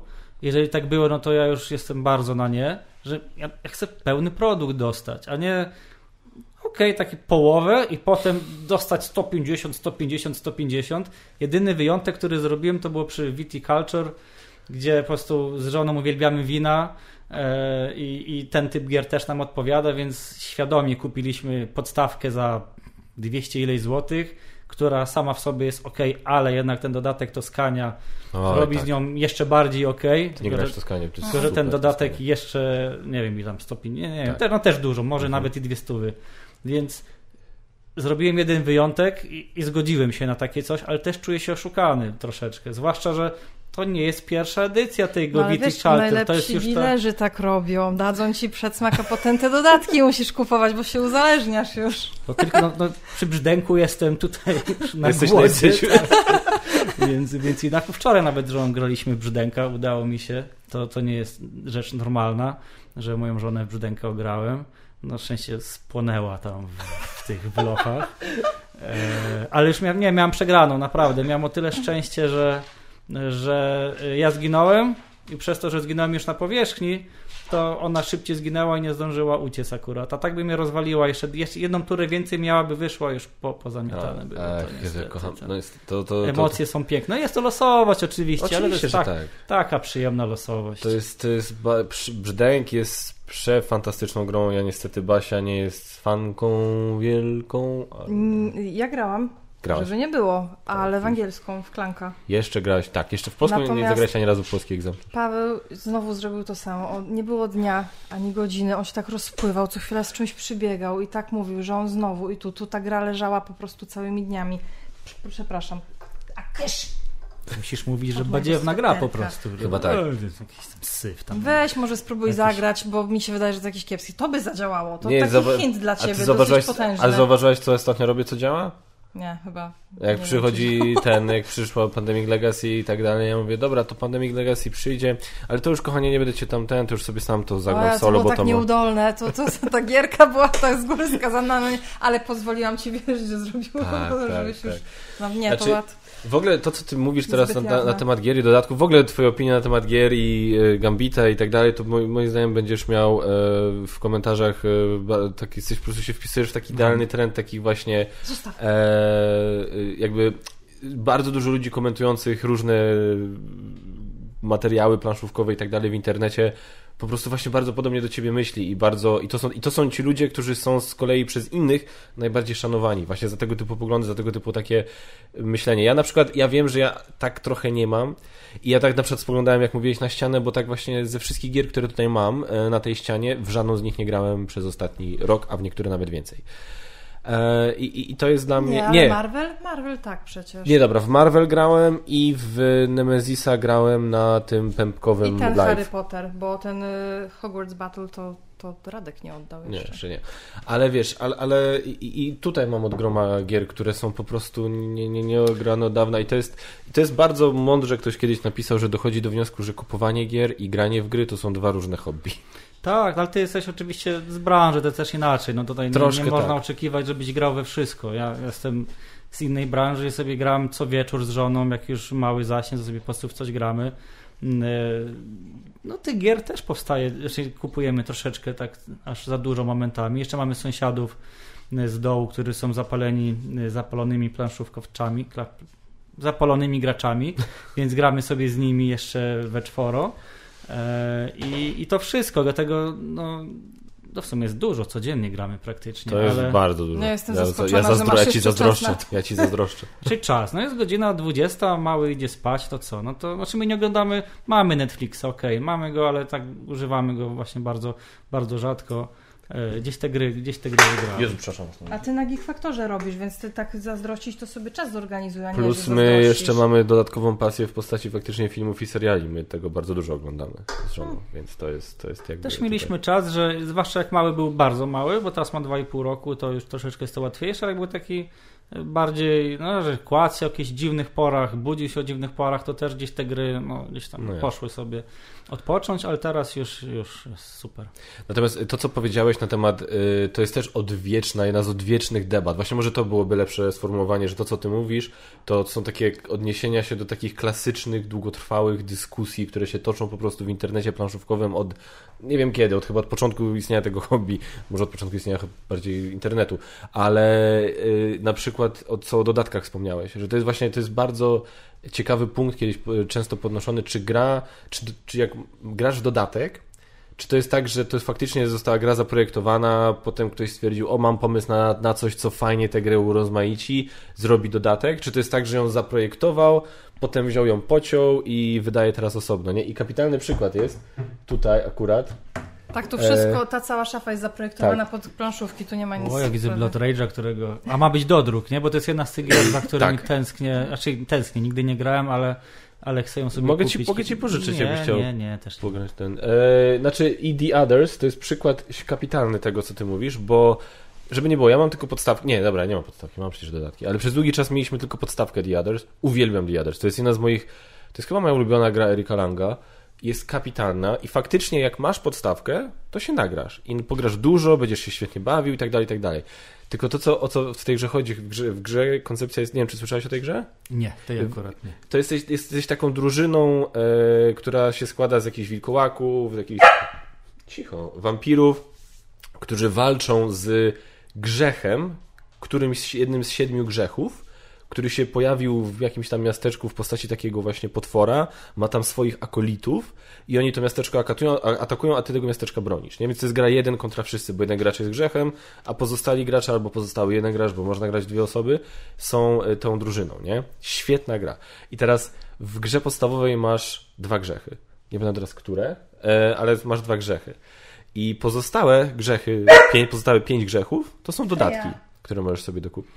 I najlepsze jest to, że ta gra jak wychodziła, jak była na Kickstarterze, to przez jakiś czas ta gra się nazywała The Others Seven Sins. I dopiero po czasie usunęli to Seven Sins z nazwy, bo się chyba skumali, że głupio nazywać grę Seven Sins, jak w podstawce masz tylko dwa, nie? Więc to, to, to jest taki bardzo dobry przykład tego, o czym ty właśnie przed W chwilą wspomniałeś. robią to samo. Tak? Lubią. No, ile jest angielskich wydań, które mają jeden tom, a polskie wydania ci wychodzi w dwóch tomach. To zwłaszcza w fantastyce widać. Też już nie chcę rzucać, jakie wydawnictwo to robi, ale bardzo, bardzo jest to widoczne. I wtedy się zwiększa kapity, zwiększa się czcionki, żeby ta książka nie była za chuda, ale dwa razy kasa idzie. Mm, I, i to jest straszny, straszny proceder. To jest, no, To jest takie troszkę... No wiadomo, czym, czym to jest kierowane, nie? Ale to trochę moim zdaniem nie do końca to uzasadnia. Czy my tego psa chcemy wypuścić może? Ten Czy... pies chce jeść zaraz. Myśmy tak trochę zeszli na temat gier planszowych, a ja w sumie jeszcze nie skończyłem w ogóle ty, rozmawiać z tobą o, o książkach i o, twoi, o twoich książkach i tak dalej, bo jestem... Jak co gra? Byliśmy dosyć się nie dogadali. Ile o książkach mam gadać? Wreszcie mogę sobie o, o, o grach pogadać, ale nie, jasne, jasne. Ja, ty, ty, ty, to ja, ty, ja jeden temat chcę na, na, na zakończenie wątku e, książkowego rzucić, e, bo właśnie coś, o, co, o czym już trochę wspomniałeś, bo e, my jesteśmy gdzieś tam... A ja też coś jeszcze chciałam powiedzieć o książkach. Tak? O, no, a na ile, na ile minut oceniasz swoje? No, nie wiem, półtorej mogę? Może. Dobra, to ty zacznij. Ty zacznij. Nie, przepraszam, nie chciałam ci przerywać, tylko tak, żebyś mi nie odbiegł w ogóle od tych książek Dobrze, teraz. dobrze, dobrze. E, bo my jesteśmy gdzieś tam przesiąknięci amerykańskimi właśnie kryminałami, wiesz, filmami typu, wiesz, 7 i tak dalej, i tak dalej. I no, gdzie te morderstwa są dosyć takie hardkorowe. E, jeszcze inna kwestia, że w Stanach mam takie poczucie, że faktycznie jak do jakiegoś morderstwa dojdzie, to tam faktycznie z telewizja pilnują tego, co chwila się tam ci policjanci wypowiadają, prokurator się wypowiada i tak dalej, i tak dalej. Więc y, to jest bardzo tak nagłaśniane. U nas w Polsce, powiem tak, z punktu widzenia takiego zjadacza chleba, raz na jakiś czas o jakimś morderstwie gdzieś przeczytam, że ktoś kogoś zabił, ale to bardzo często są albo jakieś tam zbrodnie w afekcie, albo te tematy są często porzucane. Kiedyś pamiętam, czytałem o jakimś, jakiejś akcji, gdzie, że gdzieś ktoś się włamał chyba do jakiegoś mieszkania, gdzie było małże, mał- małżeństwo z dzieckiem i tam była jakaś broń taka antyczna i tam właśnie chcieli to ukraść, a przy okazji zabili to małżeństwo. Jak, jakaś taka akcja była, ale właśnie kompletnie ten, tem- ten temat został gdzieś tam albo potem już przeniesiony na stronę 15 gazety, albo po prostu to w ogóle zostało całkowicie porzucone, bo nawet nie pamiętam jak to się tam potoczyło. I teraz czytam takie, taką twoją książkę, właśnie taką fajnie osadzoną w tych naszych realiach tutaj trójmiejskich. I tak sobie, i tam czytam, kurde, kobieta, wiesz, przyczepiona do palmy w palmiarni Ej, i... Aha, spoiler alert? się nie roz... Nie, to, Ale- jest, to jest pierwszy, pierwszy jest- tak, rozdział. ale to można. ja to jest tyle, tyle znam, można. zaraz całą, Dobrze, tyle co to- przeczytał, to opowie. Dobrze, to, tylko, to, to jeszcze tylko dodam jeden element, że ma coś przyszyte tak na całym ciele, co mnie osobiście zawsze mnie obrzydza strasznie w filmach i tak jak coś Jak? wyrasta komuś z ciała. A te kafelki? On Te- ma jakąś taką, ja nie pamiętam jak to się To nazywa, jest tyrofobia. ale Tyrofobia to się Nie nazywa. lubi Mam dziurek. nie lubię jak jest oczy. No. Ech, to jest, to jest Ja straszne. Paweł nie lubi dziurek, bo jest taka choroba właśnie skóry To nie i jest jak, chor- jak nie- no tak, no jakaś, no coś jest, że, że coś takiego się robi na skórze. Znaczy są różne spra- że te wszystkie które... cebulki wło- włosowe, to wszystko jest jakoś rozszerzone i jeszcze pod mikroskopem w ogóle, nie wiem, miał jakiś taki moment, że on to oglądał chyba, żeby się katować jakoś, Tak. a potem ja przyniosłam te płytki tutaj do domu i kurde, no nie. To jest, przecież- tyrofobia to jest strach przed dużą ilością dziurek występujących obok siebie w jednym miejscu. Więc to, to jest, nawlekanie guziczków to, to jest to takie- nie, co? Myśl, myśl nie. nie, nie, nie, jak, jak właśnie więc jakiś taki widok jakiegoś kogoś, kto ma na przykład jakieś masę dziur na skórze od czegoś tam, strasznie mam z tym, no nieważne. I to E, więc- przyszyte do skóry też nie za Tak, bardzo. nie, nie, nie. I wyrasta coś z komuś ze skóry, jak gdzieś tam widziałem w jakimś filmie było, że dziewczynie zaczęło wyrastać z tego, z, właśnie z ręki gałąź. Ale doktor Pimple Popper jak najbardziej na propsie. To tak, doktor Pimple Popper jest super. Uzależnienie już. E, natomiast moje pytanie do ciebie krótkie brzmi, bo to długi wstęp do krótkiego pytania. Czy, bo rozumiem, że no wiadomo, research robisz, jak robisz kurde research, jak skręcić, żeby dojść do posterunku policji, to rozumiem, że też o procedury też robisz research. E, czy takie morderstwa, jak o- ty opisałeś chociażby w tej książce, włoskiej proporcji, czy to się często u nas zdarza? Znaczy to jest, o tym wspomniałem na początku, raczej nie. To jest to, jest, No to, jest to mrugnięcie do czytelnika, bo jeżeli to by się wydarzyło naprawdę, to tutaj media by zbombardowały. By, by Agata nie dała, ona by kroku nie zrobiła z domu pewnie i by, by oni wszyscy by jej na ręce patrzyli, nie, nie, to nie mogłoby tak wyglądać. Więc to jest, to jest pewne uproszczenie, które muszę zrobić, żeby uatrakcyjnić fabułę. To jest... mm, e, jest to pewna konwencja, którą ja świadomie już, już tak naprawdę, jeżeli czytelnik czyta z tyłu opis i właśnie widzi tę palmiarnię i że tam dochodzi do, do, do, do zbrodni, to dla mnie, w moim odczuciu, już czytelnik jest uprzedzony, że to właśnie nie będzie ten kryminał, o którym wspomniałem wcześniej, czyli tam żona w kuchni zamordowana. Ale co najważniejsze dla mnie jest, żeby trzymać się mm, konsekwencji tego postanowienia, czyli jeżeli E, może na, nie chcę znowu rzucać nazwiskami, ale niedawno czytałem książkę, gdzie przy pierwszej zbrodni e, masa dziennikarzy, masa gapiów wokół miejsca zbrodni. E, I okej, okay, nie wiem, czy tak jest w rzeczywistości, ale dobra, przyjmuję to. Tak autor stworzył, tak mhm. tak to wygląda, ale 50 stron dalej, kolejna zbrodnia w bardzo zbliżonym miejscu. Tam był, nie będę mówił gdzie, bo ktoś się domyśli, bardzo zbliżone miejsce i jest jeszcze podkreślone, że ludzie przychodzą do pracy i ich to nie interesuje, że gdzieś tam policja zbiera i tam rysuje i, i zbierają ślady i to już jest niekonsekwencja i ja jeszcze mu nie wierzę w tym momencie. On już jakoś to potraktował, no, no nie, nie, przyłożył się w tym momencie do, do, do tego aspektu i już traci wiarygodność. Mhm. Więc E, więc, więc to. Natomiast jeżeli chodzi o same zbrodnie w Polsce, ich jest mnóstwo. Jest e, pełno fajnych podcastów True Crime.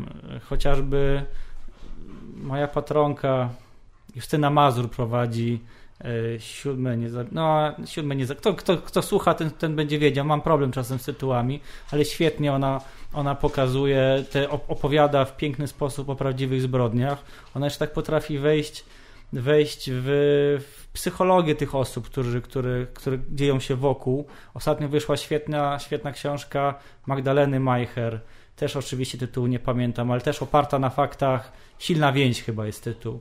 Mm, e, o z kolei o zaginięciu kobiety jest to książka opisana z punktu widzenia jej matki i jej siostry. I mhm. ich emocje, które się dzieją od momentu, e, od pierwszego dnia, gdy, gdy, tej, gdy ta dziewczyna, kobieta już tak naprawdę zaginęła. To też są strasznie ciężkie historie, według mnie dużo cięższe niż czytanie o, o nawet i kobiecie przy, przypiętej do palmy. Ale inna sprawa, no tak, to jest ta różnorodność rynku też, o której mówiłem. Mamy naprawdę trend w Polsce e, czytelników makabrycznych kryminałów, ale już naprawdę makabrycznych e, do bólu, gdzie są i, i, i no to ten, ten trudniejszy temat, jakieś gwałty na nieletnich, na, Jezu, na, na, no tak. na małych dzieciach i jest duże zapotrzebowanie, fikcja, teraz mówię o fikcji, jest bardzo duże zapotrzebowanie na takie bardzo makabryczne historie. E, I, i to, mnie, to, to mnie szokuje. To też taka mała wojenka środowiskowa jest. Mm, e, pisarze od literatury kryminalnej makabrycznej kontra tacy umoralniacze, tak to nazywam, bo ja też ja jestem gdzieś po środku, bo mhm. ja rozumiem, okej, okay, ktoś czerpie przyjemność czytania tego i fajnie, i, i co, co mi do tego? Ktoś czerpie przyjemność z pisania tego, też super. Więc jestem daleki od tego, żeby przypisywać literaturze kryminalnej, która, no, no nie czarujmy się, to jest literatura, literatura rozrywkowa. Jeżeli komuś to przyniesie rozrywkę, no to, to super. Wróciliśmy. Aż, aż tak jeszcze nie, nie, nie wpadłem w to hobby, żeby jeszcze autorami rzucać. Wiem, że jest ten no tak, wiem, że jest ten, ten, od tego. E, e, Uwe Rosenberg. A, no tak. Nową Lunę bardzo lubię ogrywać. Ja lubię abstrakcyjne gry właśnie. Okej. Okay. Nową Lunę bardzo lubię. Są te minerały też między innymi, które będą. No uwielbiam niestety to kaliko nieszczęsne. Ja nie, nie, kurde, ja to kaliko przegapiłem. Miałem opcję zrecenzowania tego, ale zrezygnowałem. Ja nie lubię kotów. A ty, a, bo to jest gra z kotem na okładce, tak, ty jesteś kociarz. Tak. Znaczy moja żona jest kociarz, kociarką, ja jestem doczepionym, bo ona przygarnęła kiedyś kotka z Krakowa, jak jeszcze studiowała w Krakowie. Przeprowadziła się z nią do Torunia i my się tam poznaliśmy i ten kotek już tam był. No już jest stary, starowinka ten kotek jest, hmm. ale... Myśmy też mieli kota. Mieliśmy kota przez jakiś czas. Dobra, tylko chcę jeszcze wrócić do tam ten tematu przed gwałtownego cięcia. E, które było konieczne ze względu na naszego pieska. Czyli reasumując, dochodzi do makabrycznych zbrodni w Polsce. Tylko, że się o tym aż tak dużo nie mówi i nie są one może aż tak artystyczne, jak to, co ty zademonstrowałeś. Rozdzieliłbym makabrę od, od, od artyzmu, bo jednak tutaj ja chciałem stworzyć mordercę artystę, albo przynajmniej kogoś, mhm. kto chciałby być artystą z drugiej strony. Takiej makabry niestety jest dużo. E, ja, bardzo mnie to w sumie nie jest makabryczna zbrodnia, ale wręcz fascynuje zbrodnia, która miała miejsce no, nie, niedaleko od nas, bo w parku Regana przecież parę ładnych lat temu, Ta gdy. głowa? y, Nie, gdy jedna koleżanka poprosiła druga, żeby ją zabiła. E, A, I to jest. to. I, I tam potem jeszcze, jeszcze to jest tak, to jest jedno z ustaleń i w końcu nie wiem, czy na tym stanęło, bo to no, Mhm. główny świadek teoretycznie jest morderczynią. Ale ona też się chwaliła potem o tym w szpitalu psychiatrycznym i pytanie, czy znowuż jej wierzyć, ta sprawczyni, która, No tak, która, tak. która to zrobiła. I to jest historia, która mnie fascynuje. E, Chciałbym ją opisać, ale nie wiem, czy, czy potrafię, bo to już musiało być bardziej w stronę reportażu pójść, a nie wiem, czy mam takie zdolności. No nie mam doświadczenia, by to byłaby, byłaby to dla mnie nauka na pewno. I, i, I nawet za bardzo nie wiem, jak się za to zabrać, bo trzeba z tymi ludźmi wszystkimi porozmawiać, a, a z jednej strony trochę się tego boję też, czy, czy, czy, czy to nie jest zbyt ciężki dla mnie temat, żeby w tę prawdziwą zbrodnię wejść, bo, bo to, to jest to jest dopiero straszne. Te książki opisujące prawdziwe historie, to Bo to trzeba z rodzinami pewnie Tak, porozmawiać tak. i to to... na, mnie wielkie wrażenie zrobił taki materi- dokument, reportaż, przepraszam. E, Polska odwraca oczy. Zwłaszcza pierwszy, pierwszy, pierwszy jego fragment, który o Trynkiewiczu opi- opisywał rozmowę z żoną Trynkiewicza. I to, jak ona go broniła, to, jak ona obwiniała e, te dzieci, które on. że to jest ich wina, że one przecież wiedziały, z kim one idą. Przecież. I, I jak to, ja to polecam wszystkim, którzy, którzy. To jest krótka, krótka rozmowa, naprawdę, ale tam są po prostu takie ciary, jak to czytasz, że ta kobieta jest tak oddana mężowi, którego poznała później dużo przecież, ale ona tak w to weszła, tak. No, ona obwinia właśnie dzieci, że, że dały się no, jemu No. zaciągnąć i, i, i tak. No to I właśnie. to są makabryczne historie dla mnie, a nie właśnie No. no, no fikcja kobieta na palmie. No to to też jest okej. oczywiście, oczywiście, ja sobie spłycam to, Kobieta na palmie. spłycam to specjalnie na, na potrzeby tej rozmowy, ale to jest coś, co ja mam od razu ciary i, i no tam potem kolejne opowiadania są jeszcze dla mnie, znaczy opowiadania, kolejne reportaże są jeszcze gorsze dla mnie, bo tam jak są jakieś rzeczy z domu dziecka, które się działy, no to też już w ogóle po prostu, o, przemoc wobec dzieci to jest coś, co bardzo, bardzo trudno się czyta o No tym i słucha. właśnie, to jest... to się bałam czytać wymazanych z pamięci, bo tak nie wiedziałam, w którą stronę to pójdzie po pierwszej stronie już. Autentycznie mówię, no nie. Ja tego nie będę czytać, bo ja y, zawsze jakoś miałam tak miękkie strasznie na zwierzęta i dzieci. To jest w tak, zwierzęta też. kolejności. To jest, to jest I tak sobie myślę, co ty tam narobiłeś w tej książce, czy ja to zniosę, bo kurczę, teraz jeszcze z perspektywy matki, Malwina ciągle taka mała, raptem 10 miesięcy. Tak sobie myślę, no kurde, nie no, będzie jakiś tam, nie wiem, pedofilskie wątki czy coś, to no oczywiście, że ja bym to przeczytała, nie, nie powstrzymałabym się, ale bym po prostu to przeżywała, bo ja tam generalnie każdą książkę jakoś przeżywam, a to to już szczególnie by było. No, wymazani z pamięci przez ciebie wspomniani, to jest, to jest chyba moja ulubiona historia, bo tam mi się udało, tak dochodzę do wniosku, że mi się udało. Starałem się, starałem się to oddać, może tak, na podstawie recenzji widzę, że tak rzeczywiście jest. E, po, pokazać ten świat e, zupełnie z innej strony, bo to taki krótka, krótki rys historyczny opowiada to o e, 16 dzieci, które jest znalezione w tym samym miejscu. W Gdańsku te dzieci były porwane z innych miejsc, z innych mm, miejsc Polski, w innym są wieku, w innym czasie to było porwanie, ale pokazują się w jednym, w tym samym miejscu w Gdańsku i to jest rys kryminalny. Czemu to się wydarzyło, kto to zrobił i tak dalej. I to jest okej, to no, fajne, ale ja się skupiłem na tym, że te rodziny, które najpierw się cieszyły, no bo jak się nie cieszy, dziecko ci się oddali. Porwali ci dziecko, ty je dostajesz z powrotem. No radość, ogromna Ale radość czy się z tego cieszysz potem? ale potem zdajesz sobie sprawę, że ten twój syn miał, nie wiem, już teraz dokładnie nie pamiętam ile, gdy zniknął, miał 7 lat, teraz Mhm. ma lat, nie wiem, 15. I, i, I kto to jest? Co to jest za człowiek? No. To jest obcy człowiek i ty masz początkową falę entuzjazmu, która no, musi być. Jest ta, te endorfiny Mhm. idą w górę, jest, są łzy radości, jest urządzanie pokoju, kupowanie ubrań, jakiś tort, super, świetnie, martwienie się o szkołę, czy tam ktoś go nie skrzywdził i tak dalej, ale potem ty zdajesz sobie sprawę, że to jest obcy człowiek i, i, i to starałem się właśnie pokazać w historii wymazanie z pamięci. Ten, ten, to spojrzenie zupełnie z innej strony. No dla mnie była najbardziej, z takim podejściem najbardziej, przepraszam, zsuwa mi się to, e, najbardziej psycholo, psychologicznie jakby o, tak ją odebrałam. Tak, tak, to jest... I, i, i e, tak jak przeczytałam trylogię, No to okej, no to już tak wiem, jakim pisarzem jesteś, nie? Ale potem czytam o, historię Ramona i tak. Kurde, Borlik czy nie Borlik? Bo tak zupełnie jakoś inaczej, jakoś się zrobiło mafijnie, nie? No dobra, a potem wymazani z pamięci i znowu jakoś inaczej. A tam na końcu jest twoje też wyjaśnienie jeszcze właśnie i to było genialne.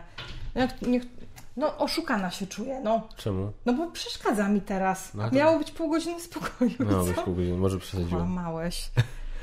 I to jest genialne, że jeden pisarz potrafi takie trzy dla mnie diametralnie różne rzeczy napisać. Trologia to tak, jest jakby. Tak, tak. Tam też było podejście psychologiczne, no bo ty też jesteś z wykształcenia, tak? Czy jestem inżynierem, ale y, dokształconym już, No już y, no, wieczorowo, jak to się teraz mówi, y, w psychologii, więc to Mhm. tak bardziej boczkiem, to, to daleko mi do psychologa, no to nigdy nie, nie będę się, po, No, się ale- porównywał, ale jakieś tam podstawy mam też, żeby I to żeby widać też, tworzyć. nie? Natomiast właśnie y, w, w każdej jednej, każda jest jak dla mnie inna, ale w każdej gdzieś ten rys psychologiczny się tam pojawia, no i to czyni to ciekawszym. Czy to jest dla mnie bardzo ważne. Tak, takiego zdania użyłem, żeby czytelnik, gdy sięga po moją książkę, zastanawia się, co tym razem Borlik wymyśli. I to jest, to jest No. taki, ja tym idę cały czas tropem, mam cały czas w głowie jakieś historie, żeby one były zupełnie inne. Trzymały się w kryminale, ale ten kryminał jest tak szeroki, że, że jest jeszcze, mam jeszcze po co sięgać, żeby, żeby te historie były inne. Mam nadzieję, że są spójne w pewnych momentach, w, pe, pewne rzeczy mają spól, wspólne. Zawsze dla mnie mam specyficzny język, którego używam i mam taką cichą nadzieję, że tacy czytelnicy już y, borlikowi, że, używa, że użyję tego określenia, będą w stanie, tak jak wino się pije, znawcy zasłaniają oczy, mają przepaskę, wąchają i są w stanie powiedzieć szczep, nawet i producent, co niektórzy. I mam nadzieję, że, że tak jakby ktoś dostał moją książkę, to też stwierdzi, to jest Borlik. I nie dlatego, że jest kolejna rozczłonkowana kobieta na przykład, bo są i tacy, których po tym rozpoznasz, ale właśnie po tym, po tym po, po języku, po dialogach i po oddaniu myśli bohaterów, bo ja zawsze staram się pokazać, yy, dać czytelnikowi możliwość stanięcia tuż za bohaterem. Każdą jego myśl ty, ty znasz. To jest o tyle trudno, gdy piszesz y, jako, jako zły, jako, jako ten czarny charakter, bo nie możesz za dużo zdradzić. E, Bo ja wykładam wszystko, jak gdy czytam o danym bohaterze, to ja jestem z nim i ja, znam, ja wiem wszystko, co jemu teraz towarzyszy, każdą myśl. I, I mam nadzieję, że czytelnicy też już przy każdej kolejnej książce to też dostrzegają i, i jest jakaś taka też... Jest to tak, ten pierwiastek jakiś wspólny faktycznie jest. Jak już, jak już dalej czytam, mówię, dobra, jest na okładce Borlik, w środku też jest Borlik, jest dobrze. już wiadomo na okładce chodzi. Borlik, w środku Borlik, to jest dobre. Może Jeszcze go tylko y, puścić może. Teatr Lalek mi został. Ta książka była przez ostatni tydzień nie, Niedostępna. nie, niedostępna i to Ja wam muszę ją tam przynieść, tak. Bo jej w taka- papierze nie kupisz, jak, jak, jak yy, na czytnikach oczywiście są, ale ten nakład się wyczerpał, to był mój debiut. Tam było chyba tysiąc sztuk tylko wydanych, więc to się rozeszło. My Mhm. też się rozstaliśmy w niezgodzie z wydawnictwem, więc żadnych wznowień nie będzie. E, więc to, co mam na swojej półce, mam tam chyba jeszcze pięć sztuk, to mogę jedną wam tam przynieść. Mm. E, Czy to było to, co ty chciałeś właśnie o książkach? Na temat tego właśnie, że... Tak, chciałam powiedzieć, jak to mówi moja teściowa, a twoja mama, że jestem podziwiona, że można trzy tak zupełnie w innym to właśnie tym. No a, to jest... a ciągle ta sama osoba i jest ten pierwiastek faktycznie wyczuwalny, że, że wiesz, że to jest ten autor. To jest, nie, no to jest dla mnie, to jest, wiesz, to jest coś, do czego faktycznie podejrzewam wielu twórców, w ogóle nie tylko y, jeśli chodzi o literaturę, dąży, że robisz rzeczy y, de facto zróżnicowane i to tak dosyć konkretnie zróżnicowane, ale mimo wszystko czuć, czuć ten dotyk. Tak. Ja na przykład to uwielbiam, w, jeśli chodzi o świat filmu, y, to Quentin Tarantino moim zdaniem. On zrobi western, on zrobi sensacyjny film, on zrobi gangsterkę, nie wiadomo, co tam jeszcze wymyśli na ten.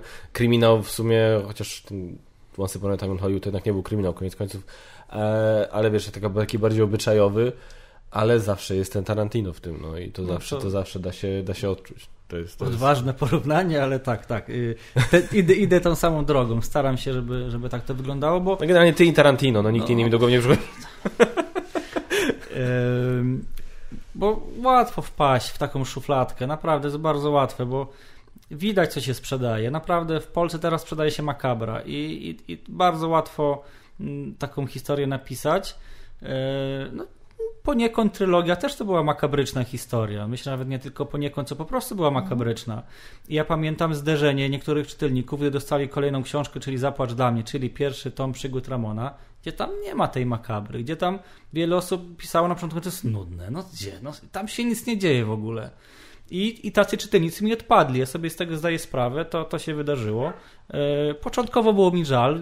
Nie wiedziałem, że to była dobra decyzja, ale z biegiem czasu widzę, że jest ok. Widzę, że tak to musiało się mhm. wydarzyć, że ci pierwsi czytelnicy, ja którzy, którzy do mnie przyszli w ramach tej takiej największej akcji promocyjnej, no bo też nie czarujmy się, przy trylogii była ta promocja największa, bo to było wejście na rynek kryminalny, to jakaś ilość czytelników, która wtedy przyszła, potem poszła w stronę innych autorów i też fajnie, też nie mam nic przeciwko temu oczywiście, ale w międzyczasie doszli na szczęście inni, bo inaczej byłoby smutno, gdyby nie doszli inni, ale no też mam nadzieję dotrzeć z biegiem czasu do czytelników, których zaraziła boska proporcja. To jest dopiero wyzwanie, którzy stwierdzili, no nie, no gdzie tam ta krew, ta ona pije, przeklina, co to w ogóle, to, to, to, to, nie jest książka, tylko patologia jakaś. No jest taka nasza żeby... przez to.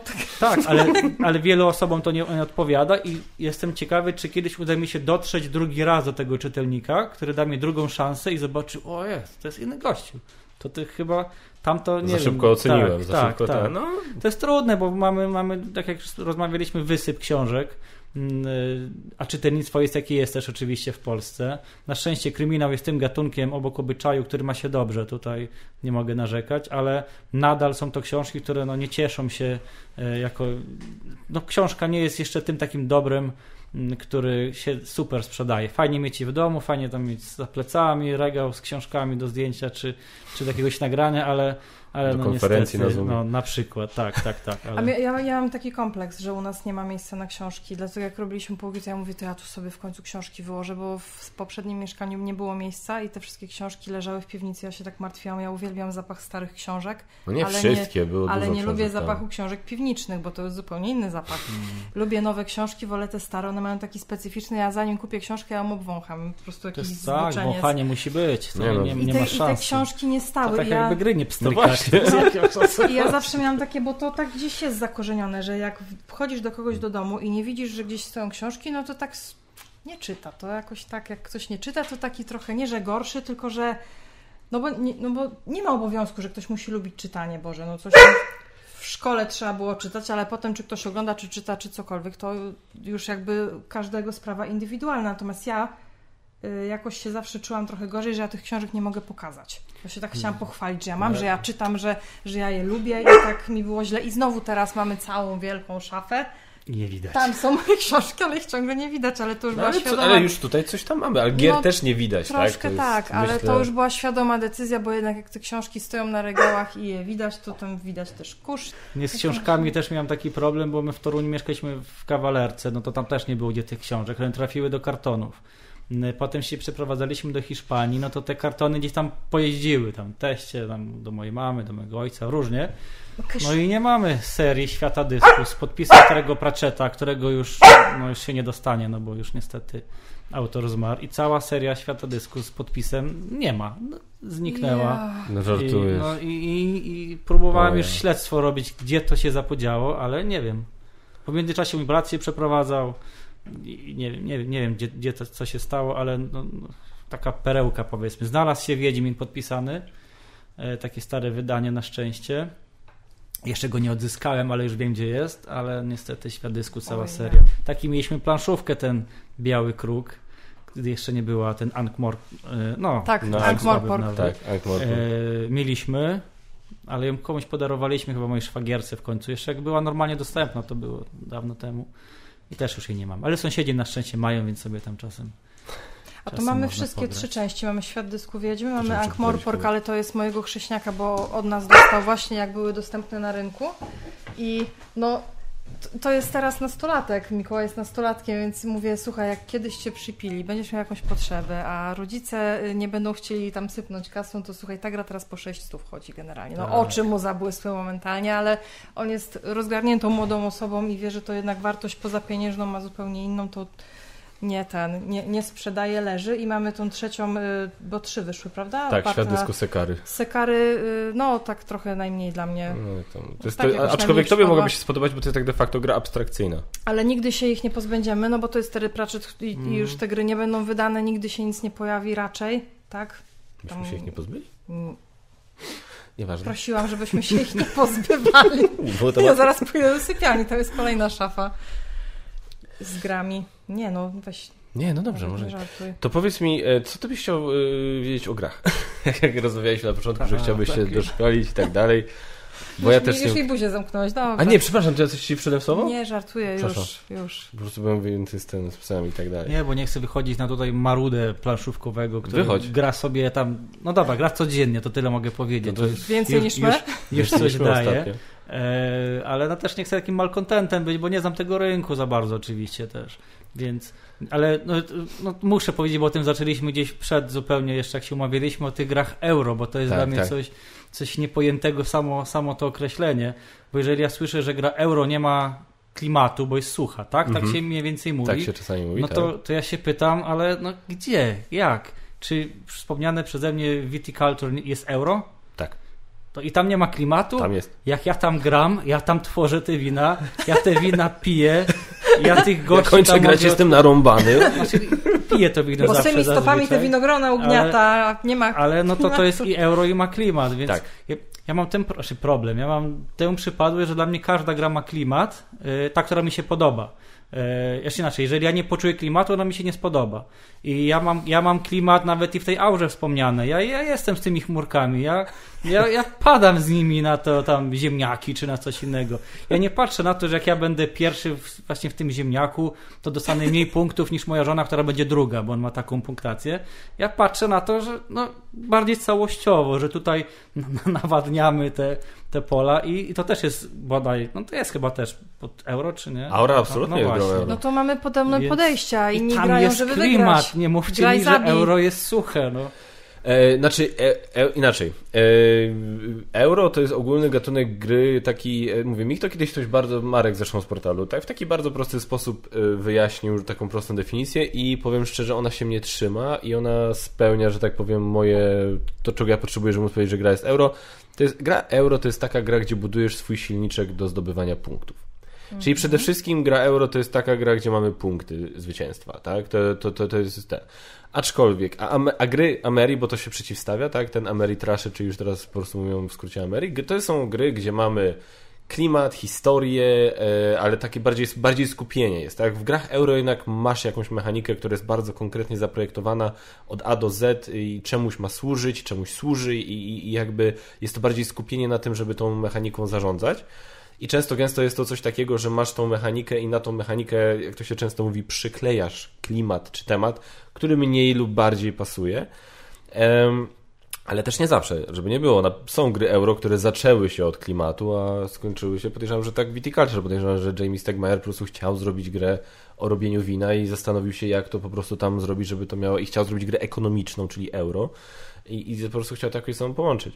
E, Na gry Ameri to jest właśnie, nie wiem, Nemesis, to jest gdzieś, wiesz, to jest, e, to jest czujesz klimat, historię, to jest tam losowość, masz karty, masz rzucanie kos- kostkami i tak dalej, i tak dalej, i tak dalej. Więc to jest takie podstawowe rozgraniczenie. Natomiast żyjemy już też w takich czasach, że to hobby już się tak rozwinęło i, i też wymagania graczy troszkę się rozwinęły, to wszystko ewoluowało i nagle mamy hybrydy. I tych hybryd mamy bardzo dużo. I to są gry właśnie, które ktoś stwierdził, no dobra, ja mogę zrobić grę euro, czyli chodzi o zdobywanie punktów, liczymy je, mamy konkretną mechanikę bardzo ten, ale to nie znaczy, że ja nie mogę, nie mogę dopiąć do tego tematu, który nie pasuje, tak? I właśnie dobrym przykładem jest Viticulture, absolutnie. Viticulture jest cholernie klimatycznym euro. Eee, jeszcze z takich e, przykładów, gra Site chociażby, który swoją drogą ten sam wydawca. Gra Site jest teoretycznie grą euro. Ale tam za te grafiki to już, już, No, jest, już jest plus 10. No do- więc właśnie, no więc właśnie. I to jest, wiesz, i to jest, e, wiesz, Everdell, to jest gra euro, gdzie budujesz, zbierasz zasoby, bo to też jest jakaś tam cecha wielu gier euro, czyli jakieś tam zarządzanie zasobami. E, którą te, ale te, tam masz taki klimat takiego budowanego świata, tych leśnych zwierząt, stworzeń i tak dalej. E, na czym stanęliśmy? Gry euro mają klimat. Mogą mieć klimat, tak. Muszą. Muszą. Znaczy, ja, bo właśnie ja nie lubię takiej klasyfikacji, że euro i te inne nazwy, które powiedziałeś. E, ja rozumiem zasady, jakie są, właśnie kontrolowanie terytoriów albo Tak, wystawianie po surowce, okej. Rozumiem, to jest jakaś mechanika dla mnie i rozumiem, że to trzeba jakoś e, poukładać, żeby człowiek od razu wiedział, z czym ma styczność, ale tak jak rozmawialiśmy, jak gra nie ma klimatu, to dla mnie nie jest eurosucharem, tylko jest po prostu słaba, w moim odczuciu. E, bo to też, e, to chyba Lem, tak, to Lem kiedyś tak, tak powiedział, że mm, czy tam napisał, że o książkach science fiction, że jeżeli jesteś w stanie odciąć te rzeczy e, science, odciąć te rzeczy science fiction i ta historia nadal będzie miała sens, to znaczy, że to, że, to, że to nie jest książka science fiction, tylko właśnie dokleiłeś sobie te wątki do tego, żeby, żeby stworzyć y, udawane science fiction. Jeżeli ty masz mechanizm i doklejasz do niego jakieś tło i mi sprzedajesz grę, że to jest gra o produkcji wina, to mi oszukujesz. Dla mnie. To mówię oczywiście jako zawsze swój punkt widzenia.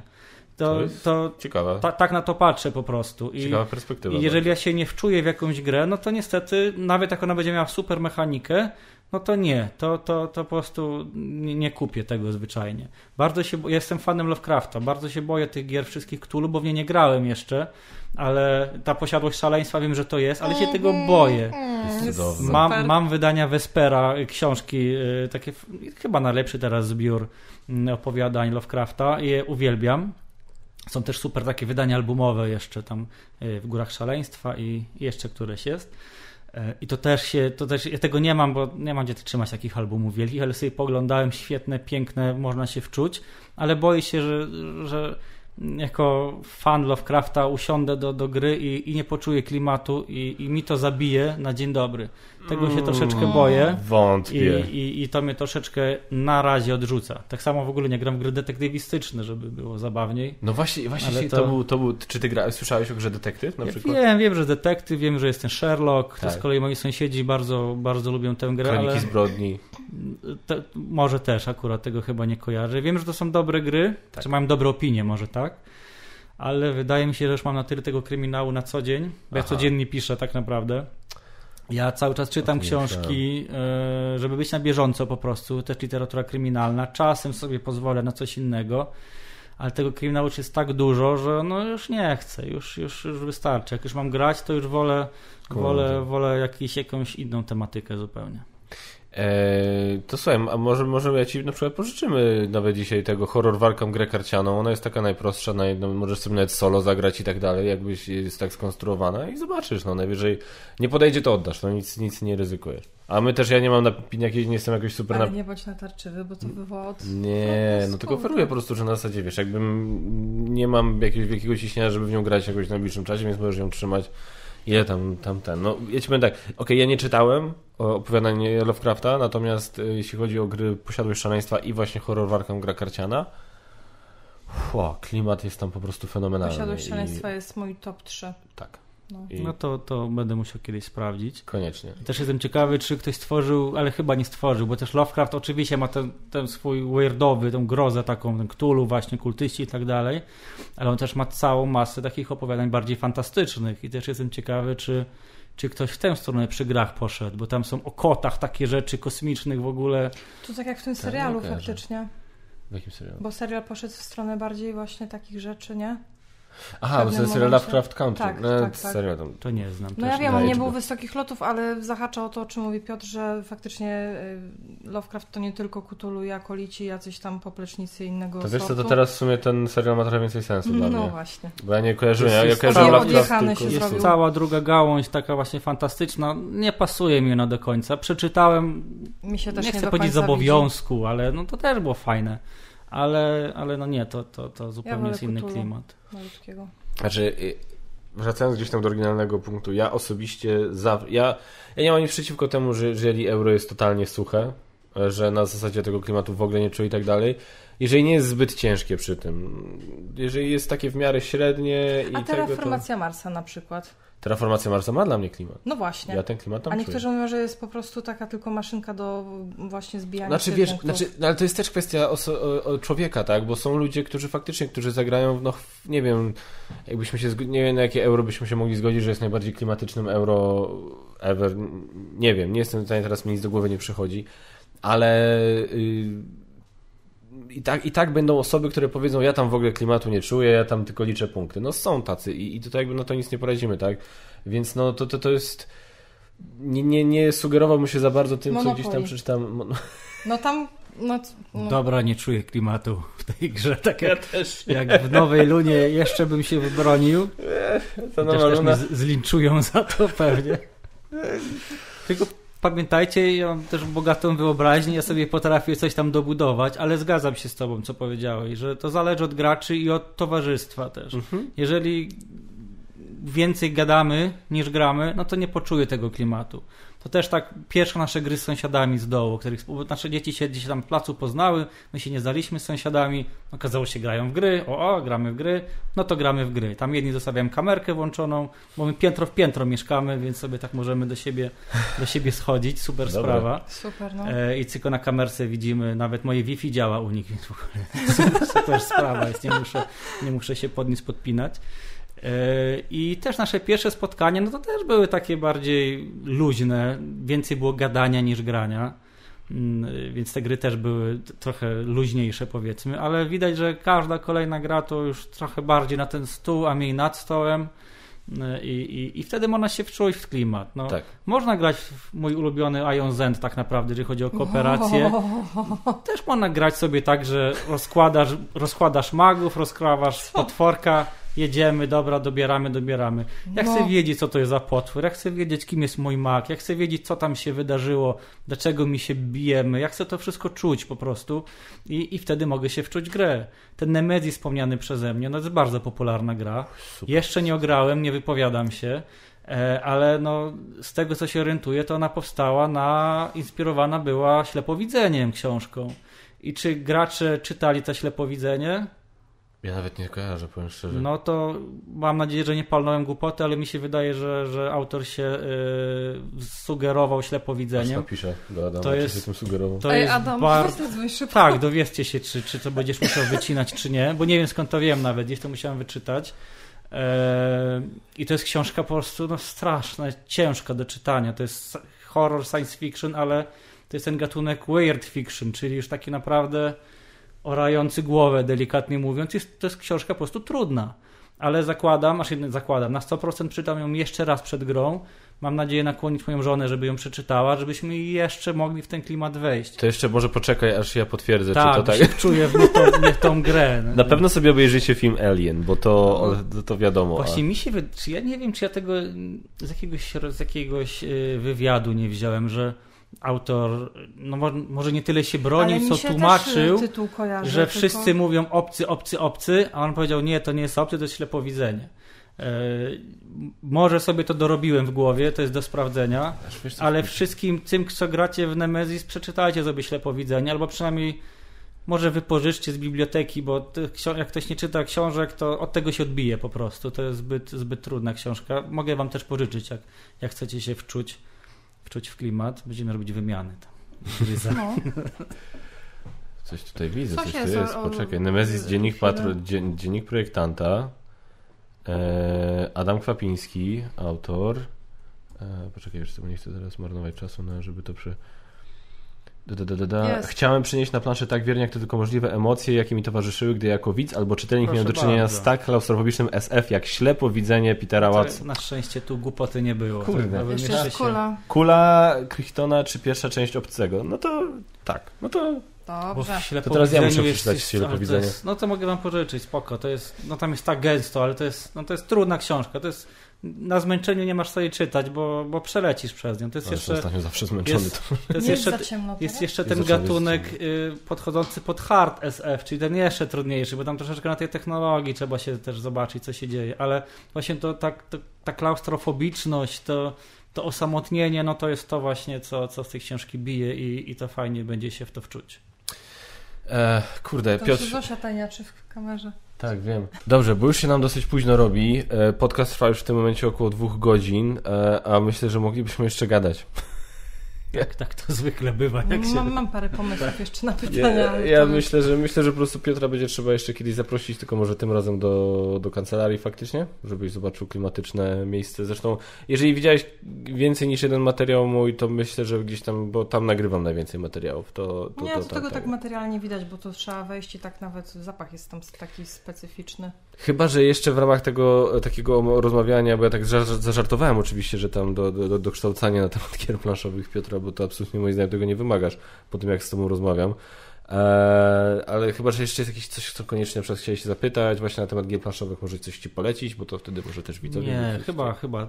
Znaczy, ja jestem bardzo ciekawy, ile, ile twoich widzów czyta jeszcze regularnie książki, bo, Dużo. bo to są, mi się wydaje, że te środowiska na siebie się nachodzą. Zdecydowanie. Tak. Że zwłaszcza, znaczy to jest moje już taki wniosek może nieuzasadniony, ale wydaje mi się, że czytelnicy fantastyki y, odnajdują się w grach planszowych Mhm. bardziej niż kryminalnych, ale to też głównie z tego, że widzę jakich ja mam czytelników. To są bardzo dużo pań,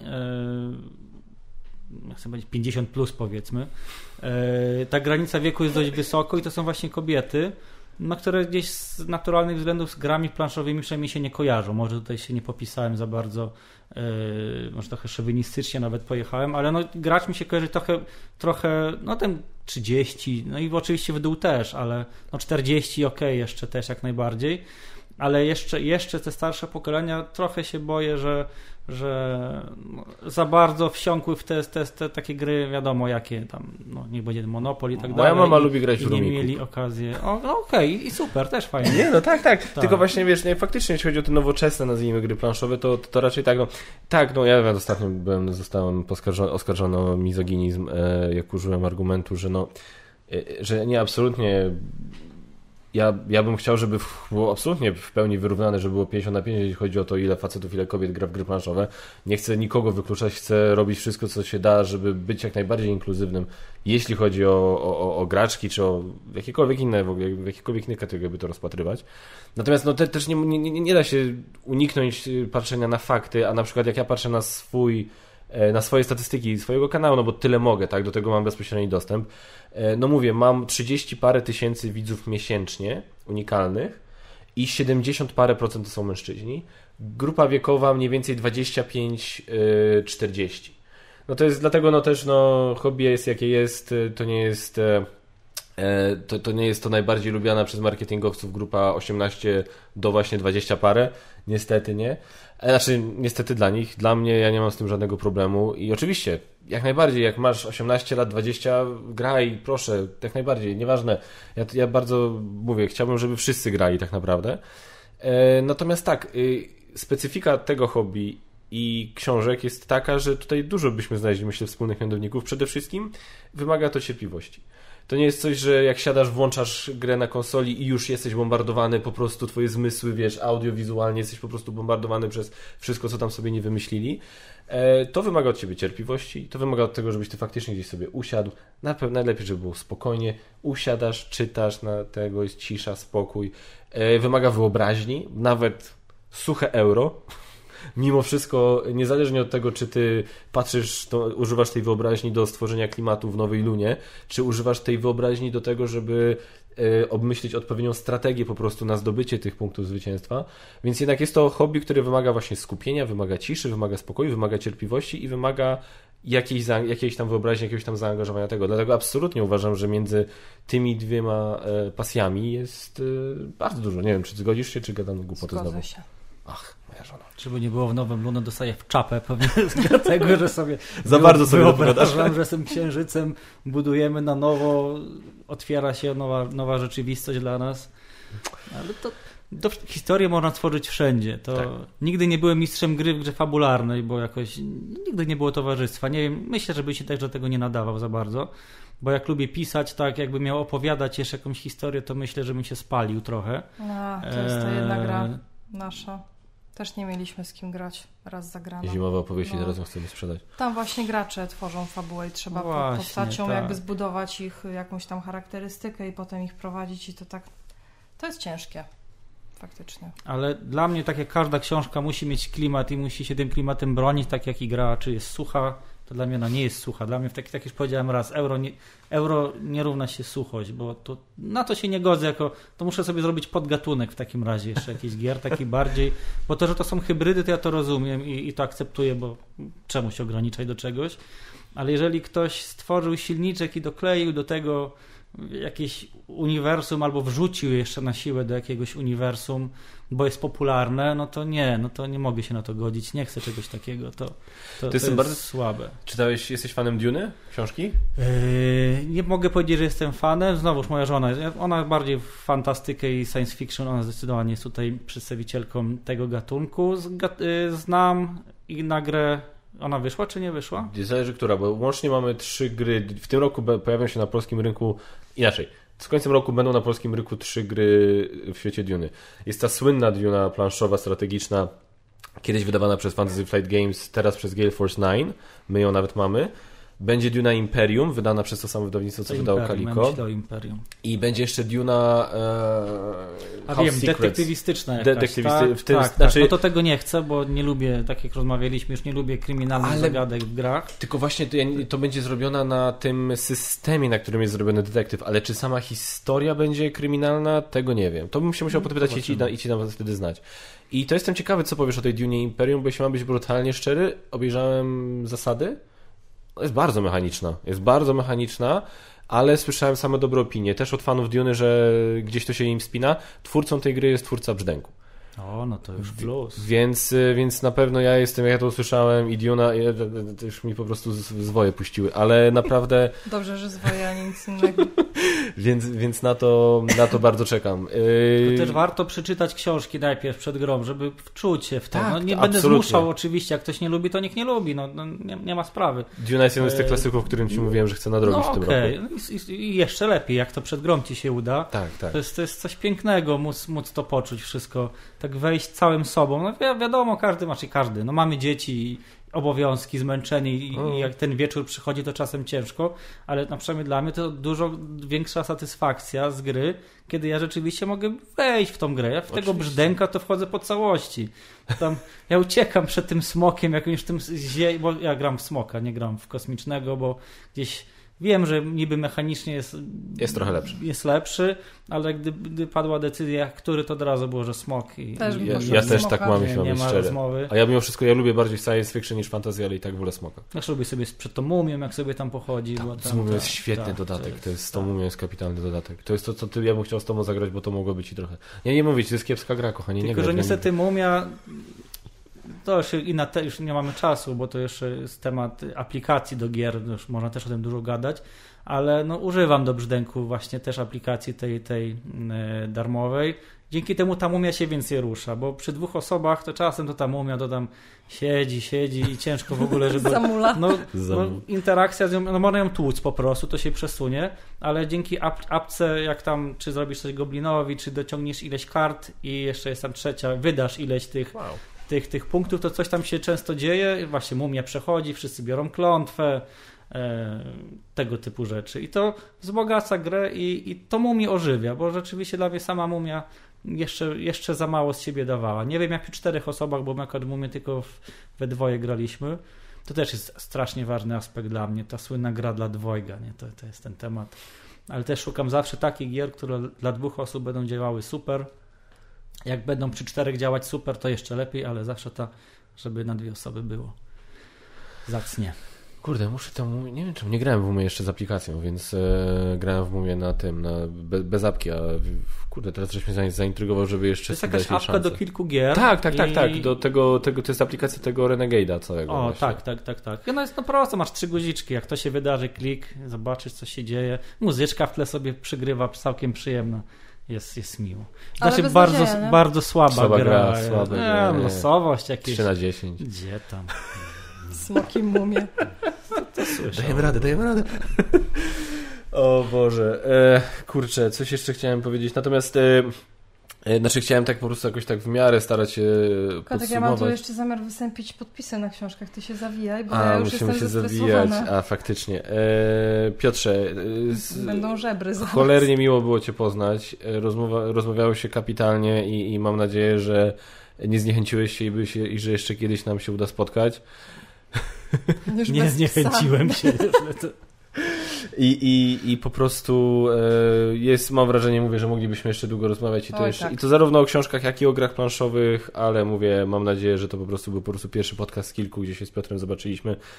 E, drodzy widzowie, słuchacze, jak będziecie na YouTubie to oglądać, czy, czy gdziekolwiek, to piszcie w miarę możliwości komentarze, żeby powiedzieć, co byście jeszcze chcieli może od I Piotra się właśnie, tak, pytania, my to Dobrze, wszystko I my to zbierzemy i po prostu przejdziemy jak ten, jak nas powiedzieć z Piotrem, jak na zdawaniu raportu. Po prostu przez każde po kolei.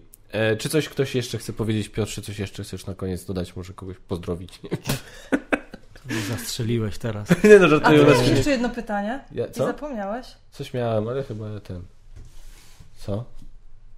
Ty pamiętasz, a ja nie? Coś napisałem. A, kim jest M?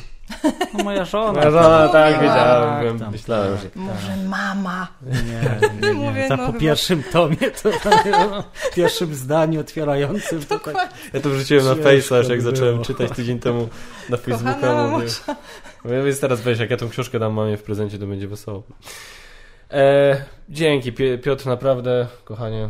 Dziękuję, fajnie, że też byłaś. Bo dawno, nie byłaś dawno, dawno nie byłaś na podcaście. Daleko nie mam. Daleko nie. tak, musisz ożywiać. To zawsze drugie spojrzenie pomaga. To... Głupka z siebie zrobić. Nie, czasem. no tam nie, nie. proszę cię, ustaliśmy. wiadomo, Była, była naklejka, tam- nie było widać nazwiska tak, Mroza. Trzeba mieć dystans, wiadomo, do siebie. Tak, tak. E, ale zawsze, ja, znaczy, ja mówię znowu z punktu widzenia swojego, dwie osoby prowadzące jeszcze z innym spojrzeniem to jest to. To ożywia, zwyczajnie ożywia rozmowę. To, Proszę docenić, że tak starałam trzeba się być. Nie, nie, zawsze są komentarze, że ja Pawłowi dogryzam, jestem taka zołza. Starałam, Nie. starałam się trzymać w ryzach.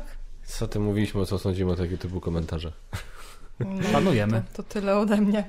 Za drugim razem już tak nie będzie, już się rozkręcę. Dzięki, drodzy Dzięki. widzowie. Pamiętajcie o subskrybowaniu, Dziękuję. komentowaniu, lajkowaniu. Piotrze, dzięki wielkie. Do zobaczenia niebawem, mam nadzieję. Hej, cześć. Papa.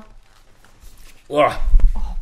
Nie, bo mnie O mama niczym- zestresowała. O niczym ważnym nie zapomnieliśmy.